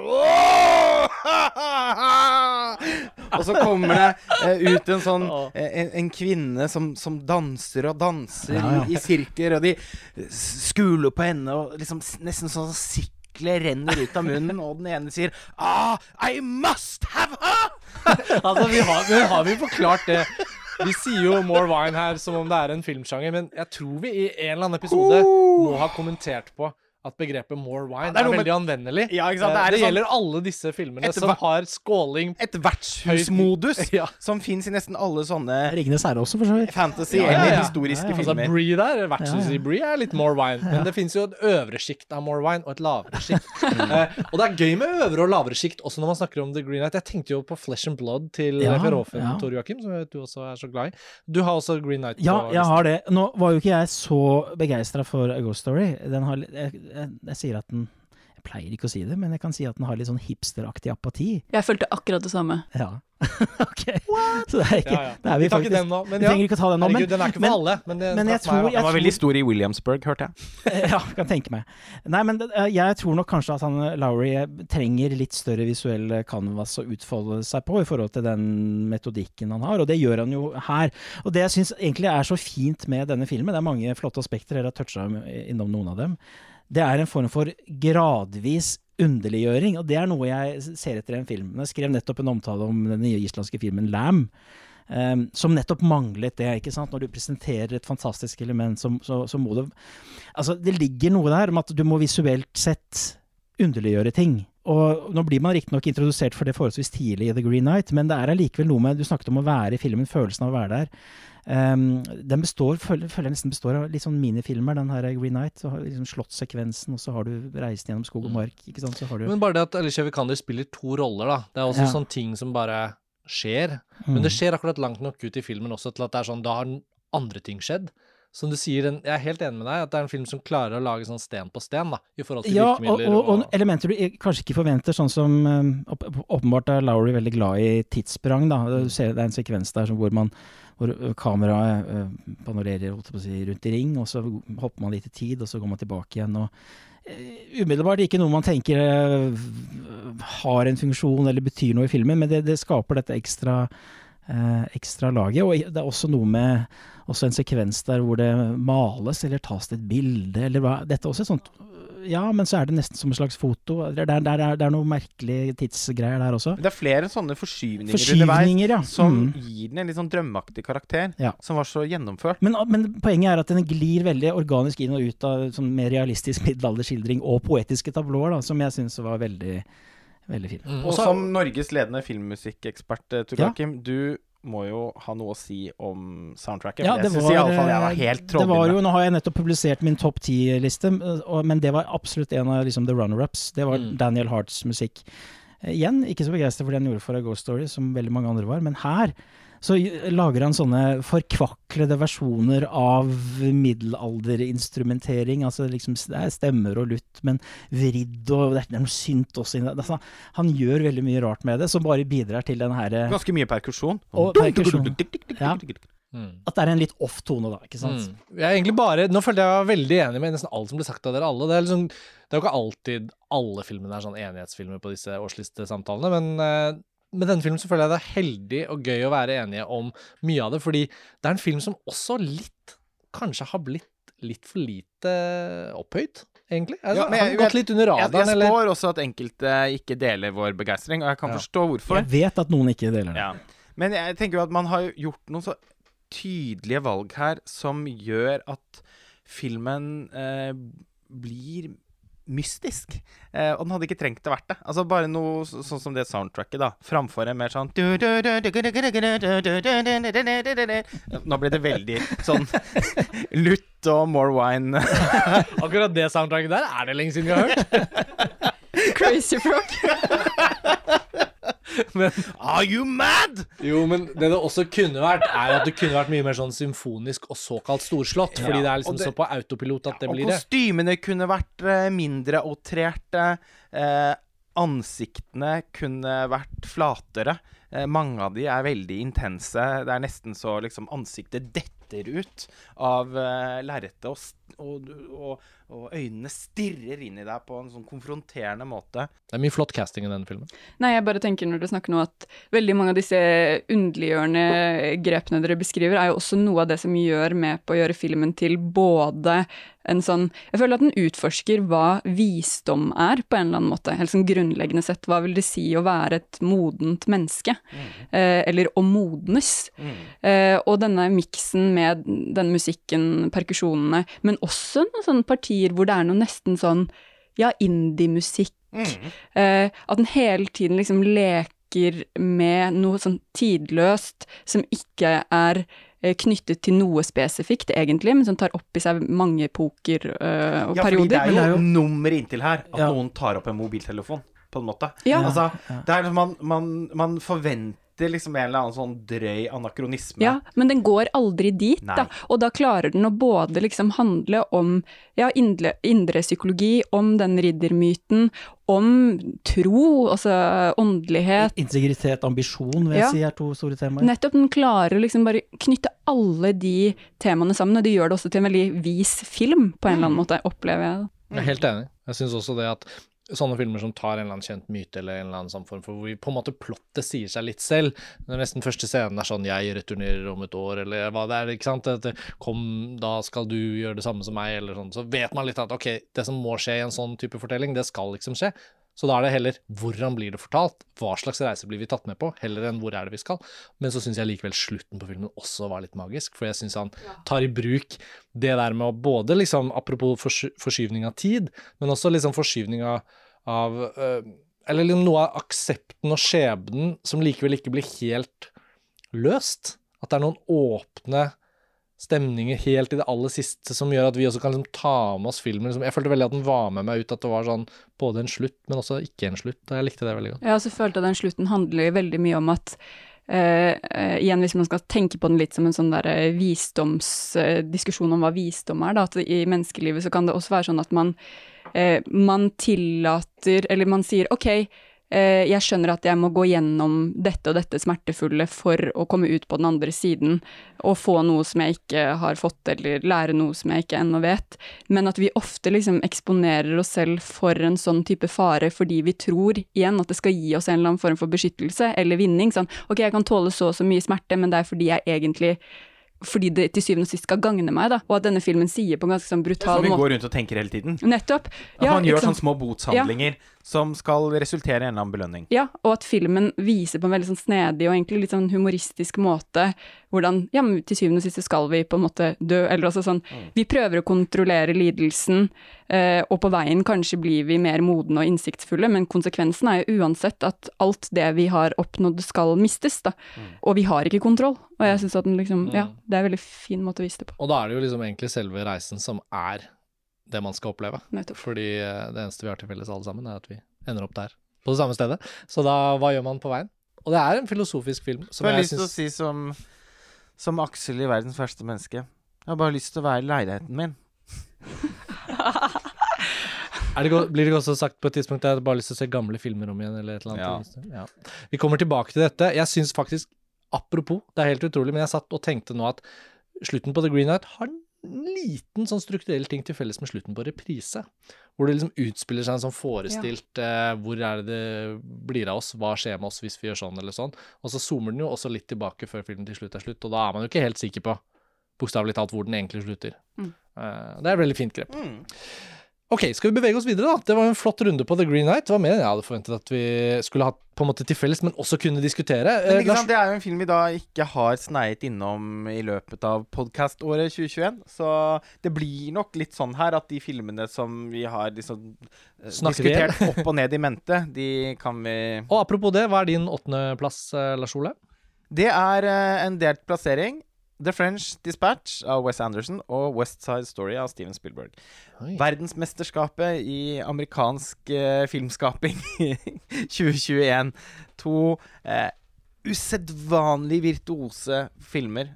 Selv til å være eh, signert to så eh, virtuose filmskapere som Anderson og Spielberg er, på hver sin vidt forskjellig måte, naturligvis. Noen ganger ser jeg de delte plasseringene dine komme, som om det er et tankskip på vei inn i fjorden. Andre ganger, litt mer overraskende, West Side Story og The French Dispatch er jo ikke så like som filmer, kanskje, egentlig? Men er det Nei da da.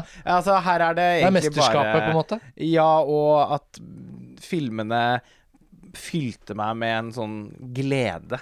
Eh, som kanskje ingen andre gjorde på den måten i 2021. Altså, det å bare nyte overskuddet og idérikdommen i filmskapingen Snarere faktisk da enn å bevege seg inn på samtaler om hva de kommenterer, eller eh, hva slags temaer som blir behandlet, hvorfor de sier noe om tiden vi lever i eller ikke. Mm. Det er på en måte samtaler som jeg personlig ikke opplever som så relevante i møte med de filmene, nettopp fordi at de eh, bare for meg på hver sin måte var ren nytelse.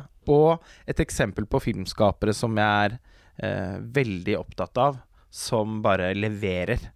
Og Wes Anderson, eh, The French Dispatch, har jo da fått mer blandet mottagelse enn noe han har laget eh, på lenge. Og jeg sliter sånn med å forstå det, fordi jeg syns jo det er den mest sånn maksimalistiske Anderson-filmen så langt, på et nivå som Altså, det er så syklisk. Det er så besatt. Eh, så selvrefererende det ligner på Ja, liksom Peter Greenaway sine 80-tallsfilmer. Uh. Ja, men kanskje vi, Kan vi ikke ta The French Dispatch da nå, fordi West Side Story, i hvert fall hos meg, er enda litt høyere. Og så kunne vi jo tvinne bånd mellom dem uh, når det Vi faller seg har jo da snakket om The French Dispatch eh, i en eh, episode fra Cannes-festivalen, Karsten og jeg, så jeg gir ordet Ja, altså jeg kan bare være veldig rask, egentlig, fordi at dere vet jo godt at jeg har et problematisk forhold til Wes Anderson fra før av. Ja, for den er vel i Eh, quirk-kategorien ja, din. og jeg vil jo si at uh, denne her kanskje er den mest Wes Anderske filmen jeg noen gang har sett. Eh, og derfor ligger den på 103.-plass hos meg. Ja. Men da Men- kan vi jo Så jeg har ikke sånn Og det, det, det, har, det er en sånn der iboende, nesten biologisk eh, problem jeg har med hans filmer. Så, så jeg har ikke Det er som olje og vann. Ja, litt sånn. Så jeg føler at jeg, jeg, jeg kan egentlig ikke si så mye. Ja, den er min uh, sjetteplass. Uh, jeg likte egentlig ikke Wes Anderson så godt uh, før, men jeg går litt sånn i mm, motsatt retning. Jo mer det blir av det, jo bedre liker jeg det. For det blir tydeligere og tydeligere at han bare Dette er det han syns er spennende og morsomt. Og jeg merker etter å ha sett liksom to-tre filmer av han, så blir jeg liksom mykere, eh, vennligere innstilt. For da- da slutter jeg å håpe på at det skal være noe som ligner mer på det jeg vanligvis liker, og så må jeg bare bli med på hans fest. Eh, og jeg syns denne filmen var rasende festlig. Flott begrep. Og jeg syns det er en veldig morsom skildring av uh, en Altså sånn selvforståelsen blant mennesker som liksom er kulturbærere, på en eller annen måte. Altså sånn hele denne redaksjonen. Eh, språket de bruker i reportasjene sine. Liker også bare jævlig godt hvordan filmen er bygd opp. Jeg syns det er gøy at han bare ikke At den er så fragmentarisk på en eller annen måte, da. Sånn «Ja, nei, nå er det bare Vi tar utgangspunkt i disse tre sakene og denne dødsannonsen, eller hva det er for noe, liksom. Mm, mm. Eh, og så er det hele filmen. Jeg likte den veldig godt. Jeg likte den også veldig godt, og er helt enig med deg, Roskva. Den er på min syvendeplass. Så da, Lars Ole, vi tre har jo da filmen ganske sånn likt plassert på årslistene. Og selv om vi har diskutert den fra Cannes-festivalen, Lars Ole, så vil jeg jo tilføye da at jeg har faktisk ikke hatt noe gjensyn med filmen, men jeg føler virkelig at den er bare sånn rett bak øyelokket, liksom. Og en ting jeg ikke husker helt om vi kom inn på, men som jeg bare kan kort si som en sånn forlengelse av det du nettopp sa, Roska, det er det at filmen er jo da, i den grad man kan si at han er sånn dukkehusfilmskaper som lager sine små konstruksjoner hver gang, og det blir mer og mer av det ofte. Tor Joakim, ikke sant, som du sier, The Range Dispatch kanskje den mest sånn filmen. Og her er jo ikke dukkehuset fra hotell, altså Grand Budapest Hotel, som liksom var en bygning eh, hvor det utspilte seg, så er jo liksom selve magasinet The French Dispatch gleden over å ha et sånt tidsskrift mellom hendene. Måten noe kan utspille seg fra en side til en annen, rundt omkring typografisk på siden. Det kommer til en tekst. Å, her er den litt lengre enn, den leser jeg nå. Så blar man litt videre. Er det noe annet litt kortere jeg kan ta først? Jeg tar den lille der. Og så Altså, hele filmen er jo også gjenskapt som en sånn form for sånn rute for rute, um, tekstbit for tekstbit, leser- og seeropplevelse. Jeg husker faktisk at dette var jo da ikke å regne som en innvending, men en bemerkning som både du og jeg hadde i Cannes, var jo nettopp det at det faktisk kunne vært litt mer trykksvertefetisjering og eh, Ja, for nå skulle jeg til å si at det er så opp min allé Ja. at hvis dette er den mest Andersonske Anderson-filmen på sin måte, så skulle jeg nesten likt at den var enda mer ekstrem. Og han, ved å gjøre det sånn kapittelaktig for de, de øh, øh, artiklene som skrives i filmen, som vi får høre og bli fortalt i filmbildene og sånn, de bryter jo også litt opp med det klassiske spillefilmplottet som man da som regel bruker i sine filmer over. Så han frigjør seg jo litt også fra det å fortelle en historie fra A til Å på den måten man gjør det på spillefilm, ved å nesten ende opp i sånn antologifilmformat. Men så er det jo også en helhet her, fordi hele hans innpakning er liksom eksakt som han vil gjøre den. Han er jo så fri nå også at øh, det jo, settes jo nesten ikke grenser for han lenger. Og dermed får man dette ekstrem Anderson-universet, da. Ja, så liker jeg veldig godt den dobbeltheten hvor på en måte Altså hele livet, men kanskje særlig liksom Folk som holder på med kunst og kultur, da, blir på en måte bare latterliggjort. Og samtidig er det et kjærlighetsbrev. ikke sant? Mm. Det er et kjærlighetsbrev til fysiske formatet, til liksom det journalistiske arbeidet, til liksom s- til kjærligheten til språk, formuleringer, hvor viktig det kan være med det ene ordet. Den gjør på en måte narr av alt det, samtidig som Uh, som den hyller det, da. Og jeg, det er noe av det jeg liker best ved filmen, at den bare klarer å gjøre de to tingene sånn helt sømløst og samtidig. Det er, og det er jo sånn den liksom uh, har et skråblikk på seg selv, som eh, gjør den så uimotståelig. Og eh, Wes Anderson er jo f f for lengst på en måte en filmskaper som snart har seg selv som sin største inspirasjonskilde. Ja, men at han inspirerer seg selv, er jo bare en bra ting, Lars Ole. Det tenker jeg vi kan la han fortsette å gjøre. Jeg vet at han skal gjøre en eh, Netflix-film, eh, Roald Dahl-film for Netflix nå. De har jo kjøpt hele Roald Dahl-katalogen. Og Wes Anderson og Steven Spielberg, de var jo delt hos deg nå, Lars Ole. Begge disse filmene var jo 2020-filmer som ble utsatt. Og begge har jo laget sin neste film allerede. Wes Anderson har skutt en film i Spania, som er den neste filmen hans. Kanskje den kommer til Cannes i mai. Og så er han nå i gang med en sånn Roald Dahl-film for Netflix. Og Spielberg har jo laget denne ungdomsskildringen sin om sitt eget liv. Fablements. Ja, Fablements. Så det er jo litt gøy også at de to de skal nok være med eh, i konkurransen om å bli snakket om på 2022-årslistene også. Men skal vi gå til din åttendeplass da, Tor Joakim? Siden ikke du har så mye å si om Wes Anderson og hans Ja, ja eh, nei, ja, det, er, det er dårlig gjort hvis jeg skulle begynt å komme inn der med mye sure eh, minner. Men eh, åttendeplassen er jo en, også en film som er litt sånn årsforvirret, kanskje. Eh, Der har jeg jo da Zero Fucks Given, som eh, hadde i hvert fall norsk premiere under Tromsø filmfestival tidligere i år. Eh, eller for kort tid siden. Eh, og som jeg ble mektig eh, begeistret for. Eh, Jeg vet ikke hvor mange som kjenner til den filmen, eller om den figurerer på noen av deres eh, topp ti-lister. Jo, det gjør den. Eh, Den er på min liste. Den er på min femteplass. Og dette var jo en film som hadde sin verdenspremiere i Kritikeruken i Cannes i 2021, og som ikke er sikret norsk kinodistribusjon. Utrolig nok. Eh, Så det er helt uavklart om denne fantastiske debutfilmen skal bli å se på norske kinoer eller ikke. Desto bedre grunn til at alle vi fire som har sett filmen og liker den godt, trekker den frem i denne anledning. Så, og for meg, Lars Ole, ut ifra hvordan eh, den filmen både gjorde inntrykk i Cannes, og nå som vi nettopp har hatt et gjensyn med den, så følte jeg at den mer enn står opp som en av de beste filmene fra 2021, og derfor føles det relevant å trekke den fram. Og skulle noen norske distributører høre på, og ikke har sett filmen, så er jo dette åpenbart en film som bør være på radaren hos norske distributører. Så jeg syns absolutt vi kan snakke om den. Tor Joakim, hva umiddelbart er det du da liker ved filmen, i og med at filmskaperne er helt ukjente? Det er ikke så mye å, å, å sette fingeren på sånn i utgangspunktet. Kanskje hovedrolleinnehaveren er en vei inn? Men Det er jo naturligvis en vei. Jeg, jeg klarer fremdeles ikke å uttale etternavnet hennes. Adelek Harkopolos. Jeps. Jeg kan bare evangelisk pappa Kjent fra Blå er den varmeste fargen, Ja. i det minste. Ja. Eh, og apropos, jeg bare, skal jeg ta det med en gang? Altså, først, da filmen virkelig solgte seg inn for meg Jeg kan komme litt tilbake til hva den handler om etterpå, men det, det er et par scener i filmen hvor eh, det brukes uh, musikk av min store helt, og flere andre helter her, Vangelis, ja. uh, To The Unknown Man. Men det har jo også litt å gjøre med hva filmen handler om, så hvis jeg sier det veldig, sånn, veldig kort først, så, så handler det jo om denne, denne jenta, da, spilt av Adele. Cassandre. Cassandra, som jobber som flyvertinne i et sånt lavbudsjettsflyselskap eh, à la Ryanair. Ja, parodi på Ryanair. Da. tydelig modellert. Den heter Wing, ja, men tydelig modellert på det. Mm. Inkludert eh, blå og gule uniformer. Ja. Men eh, i bunn og grunn så handler det jo om eh, hennes hva skal vi si, egenidentitet, hennes tanker rundt veien, veien videre i livet, eller, eller, ikke. Men satt inn i vil jeg si, en veldig sånn kaotisk ramme. da, altså eh, Verden rundt henne er, eh, er ganske flytende. Eh, er, hun foretrekker å gå på fester, ha tilfeldig sex og, og liksom flyte gjennom livet. Og så har hun denne her eh, jobben i tillegg som kanskje ikke gir henne eh, all verdens, men som er greit å ha. Som bare liksom finansierer dette livet på en måte. da. Og jeg syns denne her konstellasjonen mellom å, å ha en litt sånn flytende livsførsel versus alt det der kaoset rundt henne. Det er streiker knytta til dette flyselskapet, og det er fester, og det er mye uro. Det syns jeg er det mest interessante. Og det er der også dette, disse to Vangelis-kuttene kommer inn. Den første gangen brukes det i en, i en bare en sånn nesten statisk kamera i en fly... Hva heter det? Um, Transitthall. Transitthall.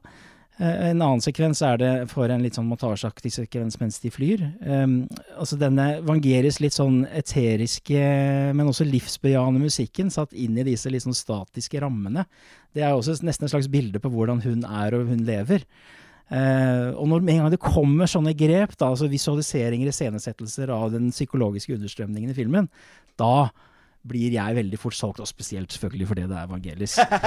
eh, ja, det var ikke et minus for meg heller, at nei. det var Vangelis sine synter som klang ut av uh, høyttalerne da jeg og Karsten så den uh, under den aller første visningen mm, mm. I, i, Cannes i fjor. Uh, men ja, nei, Cassandre, som heter, er i både liksom bokstavelig og eksistensiell transitt.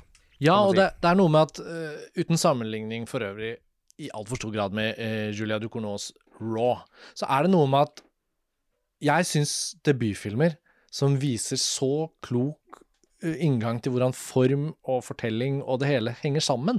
At ikke det er sånne prøvende utforskninger som er litt imponerende, og så går man videre og håper de lager noe bedre senere. Men at det på en eller annen måte er en sånn komplett holdning til hvordan filmspråk estetikk, tematikk. Det er jo veldig spennende tematisk utforskning her, som liksom aldri gjøres noe stort nummer ut av i seg selv, men som bare vokser organisk ut av hvordan hennes livsskildring bare trer frem i bildene. Men de virker så kloke, og det er liksom bare hvordan hele den behandlingen og det gjensynet da i Tromsø nå, det bare forsterket den følelsen fra, fra Cannes. Og regissørene besøkte festivalen, fikk anledning til å intervjue dem, det kan dere se på montasje for de som er nysgjerrige. Men ja, Emmanuel Marr og Julia Lecoustre, som har laget denne filmen sammen, de har eh, virkelig noe på gang her. Eh, Roskva? Ja, jeg tenker på noe nå som jeg ikke har tenkt på før, og det er å liksom sammenligne den her med 'Verdens verste menneske'.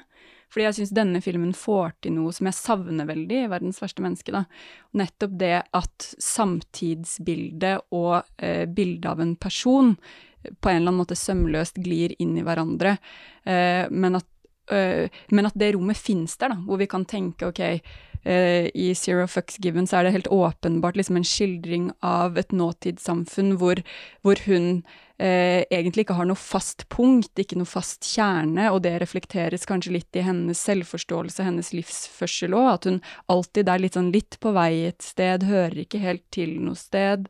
Og i 'Verdens verste menneske' så handler det jo om egentlig veldig mye som er beslekta med det, selv om mm. det selvfølgelig er i Oslo og en del sånn annerledes ting. Altså i 'Verdens verste menneske' så er Julie veldig ambisiøs, men hun er jo egentlig ikke det, ikke sant. Hun er jo bare på utforskning, hun nå, på en eller annen måte. Prøver å finne ut av hvordan hun skal leve livet sitt. Men der jeg opplever at Trier kanskje i litt for liten grad interesserer seg for hva det er i samtidens på en måte ideologi, eh, og hvordan vi strukturerer samfunnet vårt, hvordan vi tenker på kjærlighet, hvordan dette spiller inn på Julies liv. Det er antydet, men jeg syns ikke det er antydet på en måte som gjør det egentlig interessant og virksomt i filmen. Så syns jeg at regissørene her, i den Zero Fucks Given, virkelig klarer å gjøre det på en måte hvor jeg blir sittende etterpå og tenke. Og de reduserer ikke hovedpersonen til et eh, liksom bare symptom på en tid. Hun får lov til å være et helt og fullstendig menneske med følelser og ånd, liksom. Men det blir et sånt spenn i fortellingen da, som gjør at den liksom utvider seg i mange retninger. Ja, jeg syns det er en veldig viktig kvalitet ved filmen at den, selv om det er eh, et Altså, en politisk film, en sosialrealistisk film, så blir ikke hovedpersonen eh, bare en figur som skal retorisk anvendes for å fremme en sak. Altså, hun blir ikke et saksinnlegg.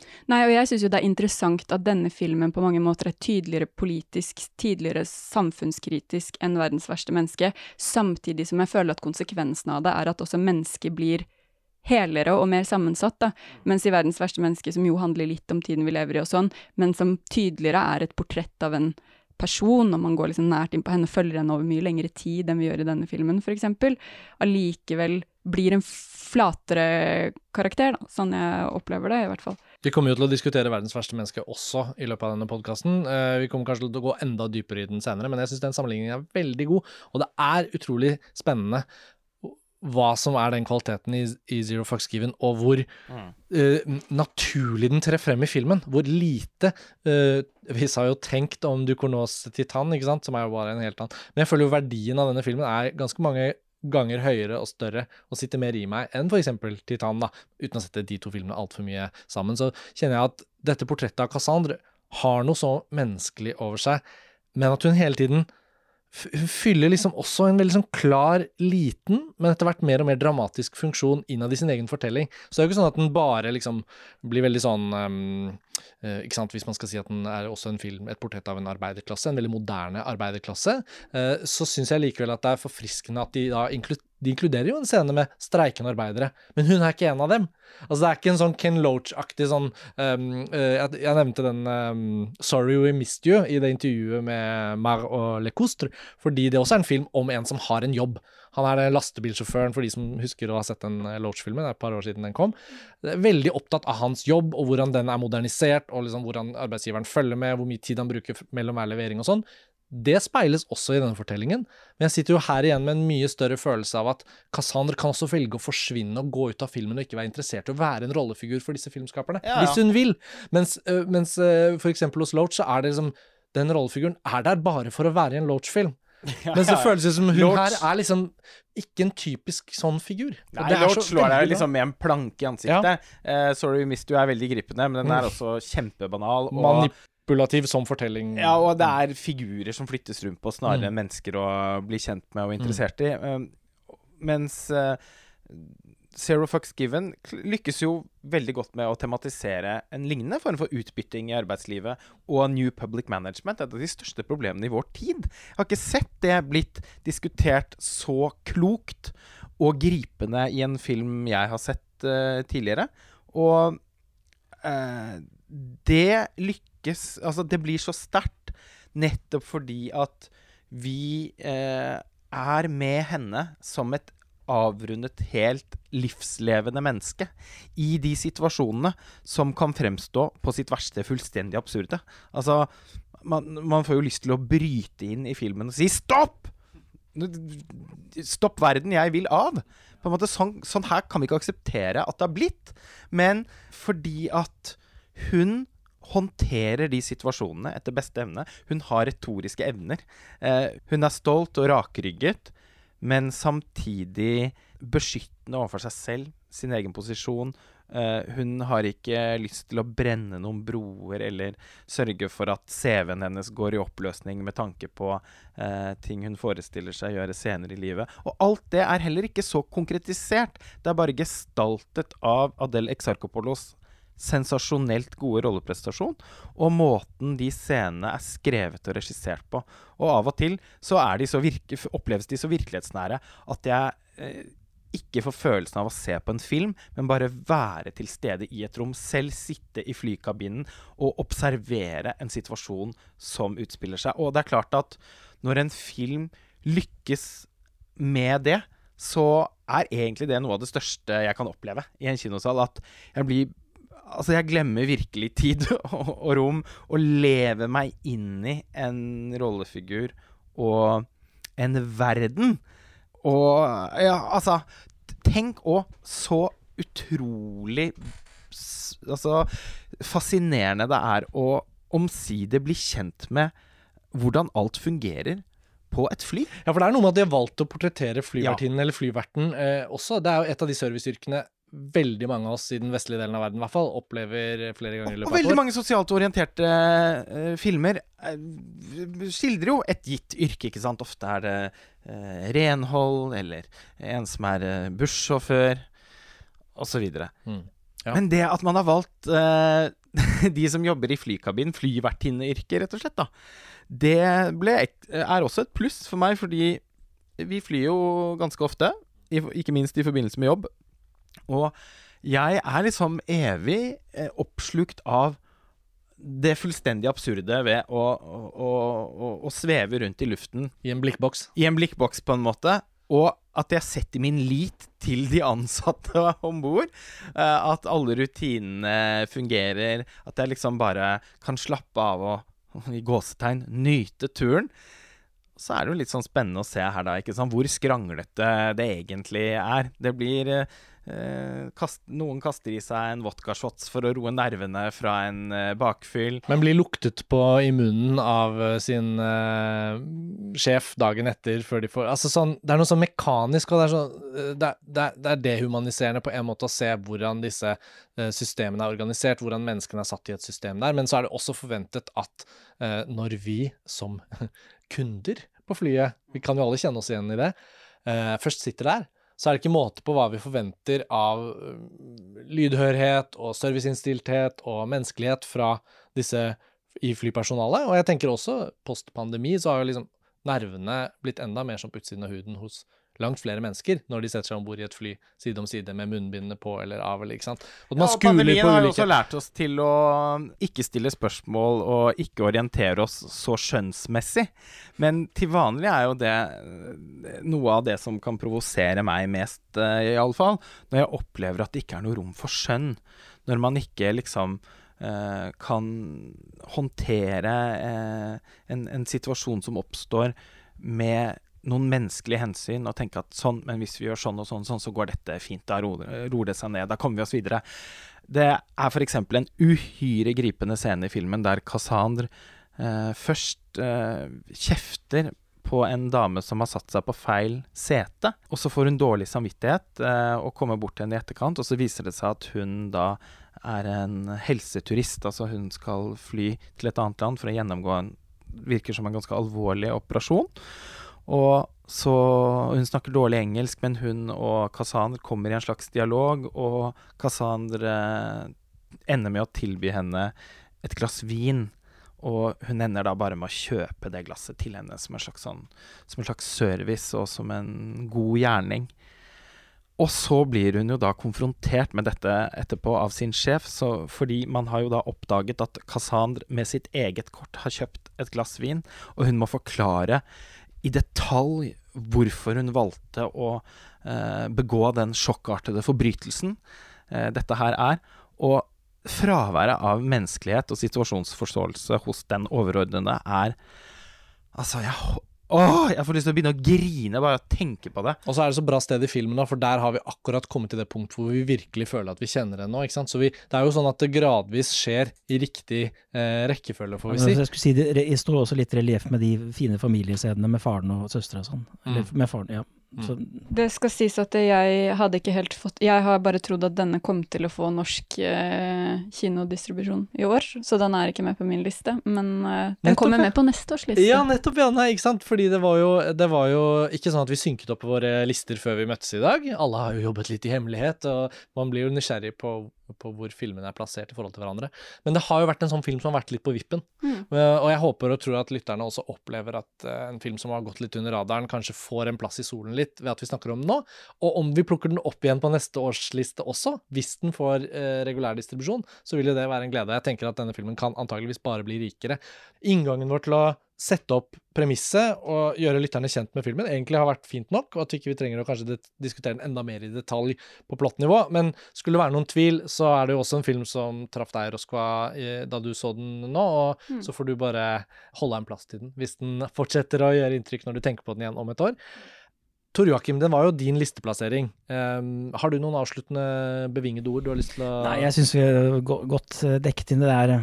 Det er mange enkeltscener og mange lag man kunne tatt opp her og sett hvordan de krysser hverandre. Sånn. Jeg nevnte så vidt nå en bisetning, eh, familierelasjonene, som er et viktig grunnlag i filmen, som ikke tas opp for mye. Mm. Men eh, nei, eh, jeg føler vi har dekket den godt nok inn. Ja. Zero Fucks Given, originaltittelen er Rien à foutre. Og Det er som sagt et intervju med de to filmskaperne som besøkte Tromsø, uh, ute på montasje, så det kan dere finne hvis dere er nysgjerrig på det. Ok, da beveger vi oss videre til Roskvass nummer Er vi ikke på åtte fortsatt, da? Jo, men den har vi allerede snakket om, for det er Card Counter. Ja, og da er vi jo kommet til min åttendeplass. Det går eh, ganske fort unna. og der har jeg Chloé Jaos Nomadland, som jo som kjent vant uh, Oscaren for beste film og beste regi i fjor. Uh, og Chloé Zhao har også rukket å lage enda en film som hadde premiere i 2021, nemlig Marvel-filmen Eternals, som hadde premiere i november. Så dette er jo et sånt år hvor hun har hatt to filmer, veldig ulike filmer. Og i anledning premieren på Nomadland så hadde vi et panel på Filmfrelst med Anne Gjelsvik og Chloé Faulkner, som var med å diskutere Jaos tre filmer frem til og med Nomadland. Og der fikk jeg eh, greid ut i det vide og det brede om både Songs My Brothers Taught Me og The Rider, og selvfølgelig Nomadland. Så selv om jeg gjerne snakker enda litt mer om Nomadland, så føler jeg jo litt at den også er en film jeg har på en måte behandlet ganske grundig da, gjennom 2021. Eternals, som jeg gikk til med en slags sånn begrenset entusiasme. Marvel Cinematic Universe har jo jeg faktisk fulgt med på litt sånn i det stille, men aldri hatt noen sånn voldsomt sterke meninger om. Uh, og det er ikke den dårligste Marvel-filmen. Og egentlig en litt sånn interessant tilfelle av at en autør tar en sånn blockbuster-film og klarer liksom å slippe løs liksom 16-17 minutter av sin egen filmskaping, sånn spredt rundt i filmen. Men ellers en ganske forglemmelig affære. Så da er det jo Nomadland som står igjen. Og jeg tenkte mye på om er den filmen på en måte gått så mange runder i kroppen min at den ikke er en sånn topp ti-film. Men så landet jeg litt på at jeg syns rett og slett at den var for bra til å kunne på en måte bli litt sånn ja ja, den har vi snakket så mye om, glemt. Så det ble den ikke. Den ble min åttendeplass. Og jeg vet ikke om den uh, er en film Egentlig er den på deres andres lister, det vet jeg ikke. Jeg har ikke sjekket det. Nei, den er på min 32.-plass, som jo er ganske høyt. Ja, det, for, det er jo verre, er ikke ja, det så verst? Nei, det er veldig bra. Ja, den er på min topp 20. Ja. ja, men så bra. Og jeg har dessverre ikke fått sett den. Nei, men så spennende. Det er en film selvfølgelig, Den er jo blitt anbefalt og snakket om såpass mye nå at det sikkert er litt sånn film som også ikke føles så relevant å gå og se nå, fordi den er litt sånn i hjel Den vant jo Oscar for beste film og regi. Ikke sant? Og den, den, har jo på en måte absolutt blitt kanonisert. Men jeg føler også den har blitt veldig diskutert pro og Jeg, jeg har vært i mange miljøer for den. Den har også sine Eh, kritikere, da. Ja, absolutt. Inkludert Kelly Reichardt, eh, ja, regissøren ja. av First Cow, som eh, vi intervjuet i fjor, og som kom med den litt sånn spisse slengbemerkningen om at hun mente at eh, ja, den arbeiderklasseskildringen i Chloé Jaos Nomadland, den var jo ikke så veldig imponerende. ja, hun syntes den var eksotifiserende. Og... Ja. Jeg liker jo det at den er litt eksotifiserende. Du vet hva, det liker faktisk jeg også. Med fordi... solnedgangsbrisen der og sånn. Ja, men altså den... Så får den Amerika til å virke som et litt sånt fremmed land, på en eller annen måte. Mer enn vi er vant med når vi er i New York. altså, filmskapere som i en sånn grad lykkes med å skildre et miljø man vet svært lite om fra før av. Eller det er blitt karikert ofte i en del filmer. Ja, altså Egentlig så minner jo Nomadland meg en del om Alexander Payne sine filmer. Det er litt filmen Alexander Payne drømmer om å klare å lage, men kanskje aldri helt har klart. Han har laget filmer som er vel så gode som Nomadland òg. Men ikke blant roadmoviene hans. Der er jeg med deg. Eh, men der uh, Payne, ikke sant, gjerne også fordi han er humorist, da. Han er det. Karikerer det er og Nei. Men denne filmen har den samme liksom, nysgjerrigheten og varmen og Uh, og liksom tross alt også glimt i øynene. Det, det har den. Og jeg syns, uh, jeg syns Frances McDormand på en måte så går man jo aldri lei av henne når hun er på sitt beste. Og hun er jo litt sånn tilbake i slags sånn Fargo-modus.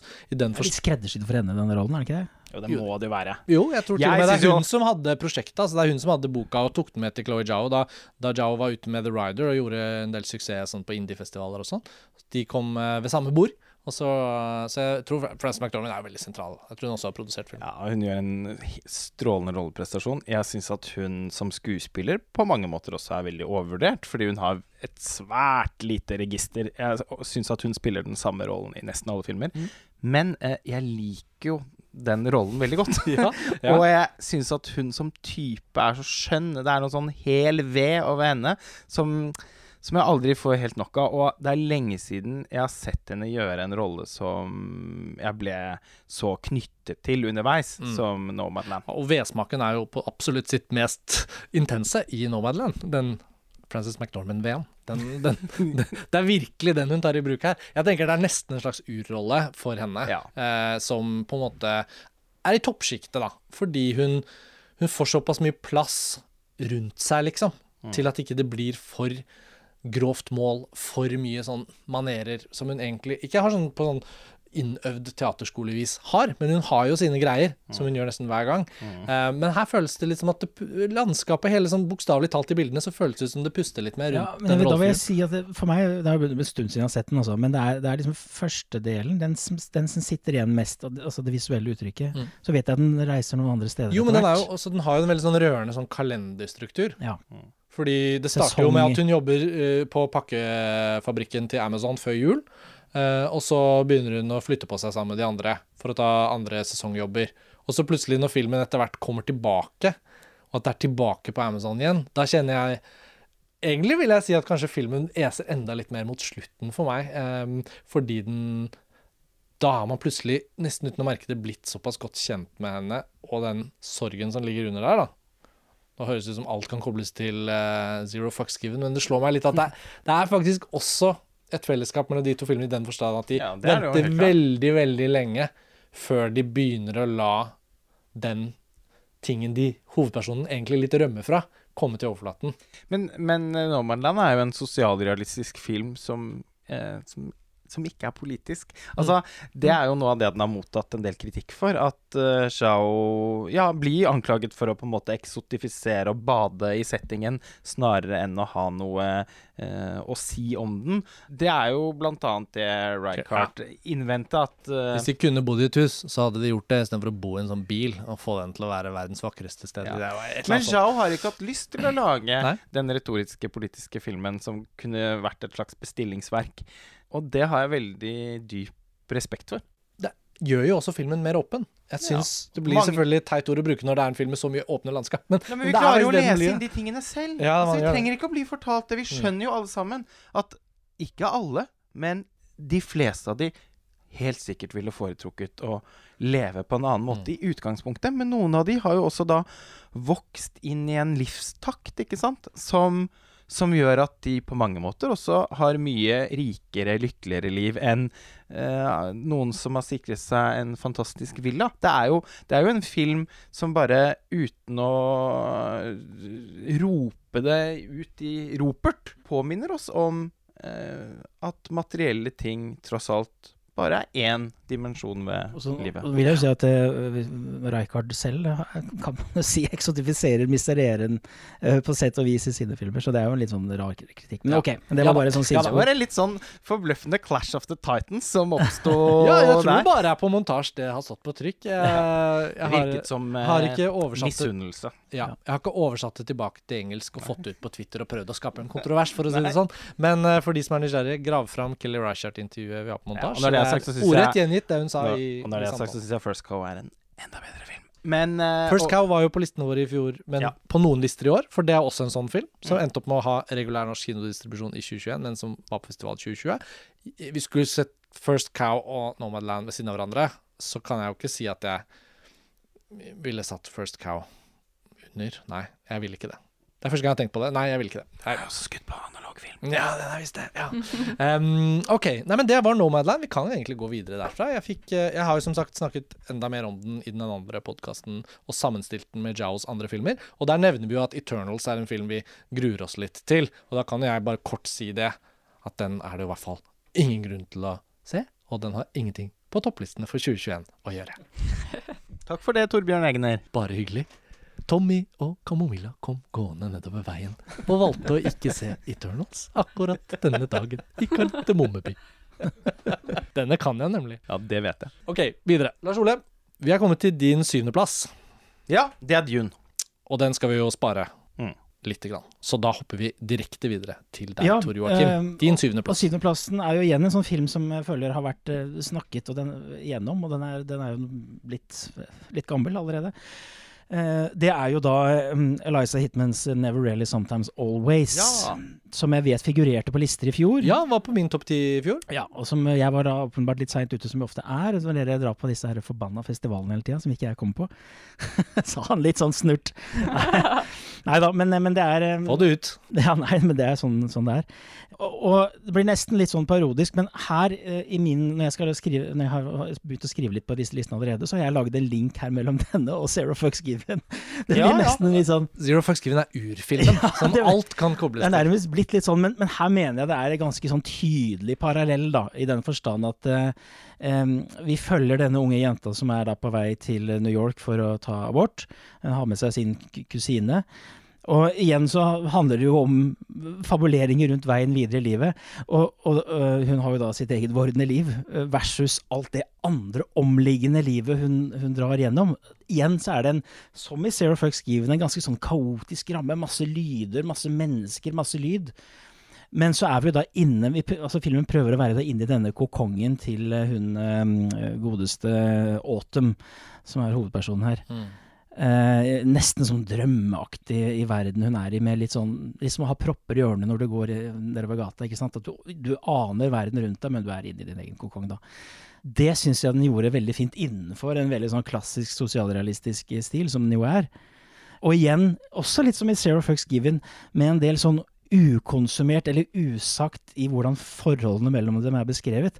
Forholdet mellom Autumn og hennes kusine Skyler kan i første øyekast virke ganske sånn kaldt og distansert og fraværende. Men det er jo ikke tilfellet, for i løpet av filmen så strekkes også det forholdet i mange retninger, uten at man liksom er veldig eksplisitt, da. Mm. Skylar husker jeg synes var en av de mest gripende rollefigurene jeg så i noen film i fjor. Ja. Måten hun liksom holdt en hånd rundt sin kusine på, uten å gjøre så mye ut Ja, de, de snakker jo egentlig ikke så veldig mye sammen. De sitter Nei. liksom rundt omkring og Nei, altså det var, det var den her kombinasjonen som jeg åpenbart er veldig svak for, med kaotisk liv rundt, og være inni sin egen boble. Kanskje det er noe pandemisk eh, over det, men, men det er liksom litt den eh, følelsen jeg følte ble skildret veldig godt da, i, den, i den filmen. Men jeg vet at dere har eh, snakket mye om den allerede. Ja, vi snakket jo en del om den i fjor. Så de som Jeg vet ikke om vi skal ta en reprise på det, eller om vi bare skal si at de som har lyst til å høre det, kan Ja. høre på den etter å ha hørt denne. Jeg tenker at det er en eh, god idé. Den var jo på min liste i fjor også, ikke på topp ti, men jeg lurer på om den var på ellevte eller tolvte plass, og veldig høyt i hvert fall. Jeg synes da. Og det er i og for seg en film jeg bare har fortsatt å tenke på, som muligens kanskje ville fått en enda høyere plassering i, i dag. Jeg er veldig spent på Ja, jeg har sett den faktisk jeg har sett den to ganger, da. Ja. Og den vokser jo andre gang, som jo mange filmer gjør, men kanskje Mm. litt spesielt her fordi det nettopp er så mye usagt ukonsumert som du ikke får med deg første gangen. Og kontrasten mellom liv og, liv og levnet, hadde jeg nær sagt. Det, det merket jeg mer på kroppen andre gang jeg så den. Så det er en eh, jeg, jeg, I'm late to the party, som det heter, men, men eh, det var virkelig en, eh, en god opplevelse. innmari vakker filmskaping, da. Også den uh, skutt på eh, 35 millimeter. Ja. Og uh, jeg tenker at det blir veldig spennende å følge hun Eliza Hitman i årene framover. Mm. Hun kan bli en betydelig amerikansk eh, stemme. Ja, jeg tenker på den sammenligningen du trekker med Zero Fucks Given, at den har noe av det samme Muligens at du akkurat sa det nå, men det, beklager at jeg stjeler dine poenger. Men at den har det samme Litt av det lignende forholdet mellom eh, det verbaliserte og det usagte. På den måten at disse jentene på en eller annen måte helt tydelig er i en vanskelig situasjon pga. noen samfunnsmessige strukturer, samtidig som de selv kanskje ikke har språk og bevissthet egentlig til å opponere mot det. De må bare navigere innenfor. Og noe lignende skjer jo også i denne flyvertinnefilmen, hvor det er en sånn ambivalens hos hovedpersonen, hvor hun helt tydelig selvfølgelig reagerer på en del regler og former, men samtidig også på en eller annen måte grunnleggende sett også aksepterer at dette er den verden hun lever i, og at hun gjør på en måte Ja. Hun inngår kompromisser, Mm. og det er jo så vanlig eh, for de aller fleste. Altså, problemet med ideologier er jo nesten alltid at de lukker døren for det. At enten så er du for oss, eller så er du imot oss. Enten så gjør du det på den måten, eller så gjør du det på feil måte. Livet er nesten aldri sånn. Vi er nesten alltid nødt til å være Altså, apropos hva politikk er for noe, eh, så handler jo det om å finne løsninger. eh, Og få mennesker som kanskje ikke er helt likt sammenskrudd, til å likevel bevege seg i ja, om ikke samme retning, så i alle fall i noen bevegelser som kan eksistere side om side. Og veldig ofte er det jo sånn at vi må gjøre ting i livene våre som, vi, som egentlig går på akkord med det vi eh, En eller annen dyp følelse i oss, eller eh, Av og til så må vi til og med gjøre ting som man egentlig ikke finner seg i, men man gjør det likevel. Fordi at man vet at eh, i et større bilde så blir ikke dette mitt Altså sånn jeg, jeg, jeg, Man er rett og slett nødt til å være en slags strateg, da. Det er naturlig sosial menneskelig atferd. Og jeg blir veldig Jeg syns det er veldig varmende når film klarer å fange inn det. Enig. Så Eliza Heathmans uh, 'Never Really, Sometimes Always' kom tilbake i samtalen et år etter at vi snakket om den sist på for fjorårets årslistepodkast. Det må også da nevnes at Eliza Hitman har vært gjest på Filmfrelst hun også, så for de som nok en gang har lyst til å dykke videre inn i det gjennom et intervju vi har på montasje, så kan dere finne den Filmfrelst-episoden. Så Eliza Hitman og Kelly Reichardt og Chloé Zhao gikk inn i en bar Nei da, det er ikke en vits, men sikkert, de ville sikkert hatt noe å snakke om når det kommer til sånn sosialrealistiske skildringer. Og med det skal vi faktisk avslutte denne episoden, som bare inneholder del én av vår gjennomgang av filmåret 2021. Men hele samtalen fortsetter i neste del.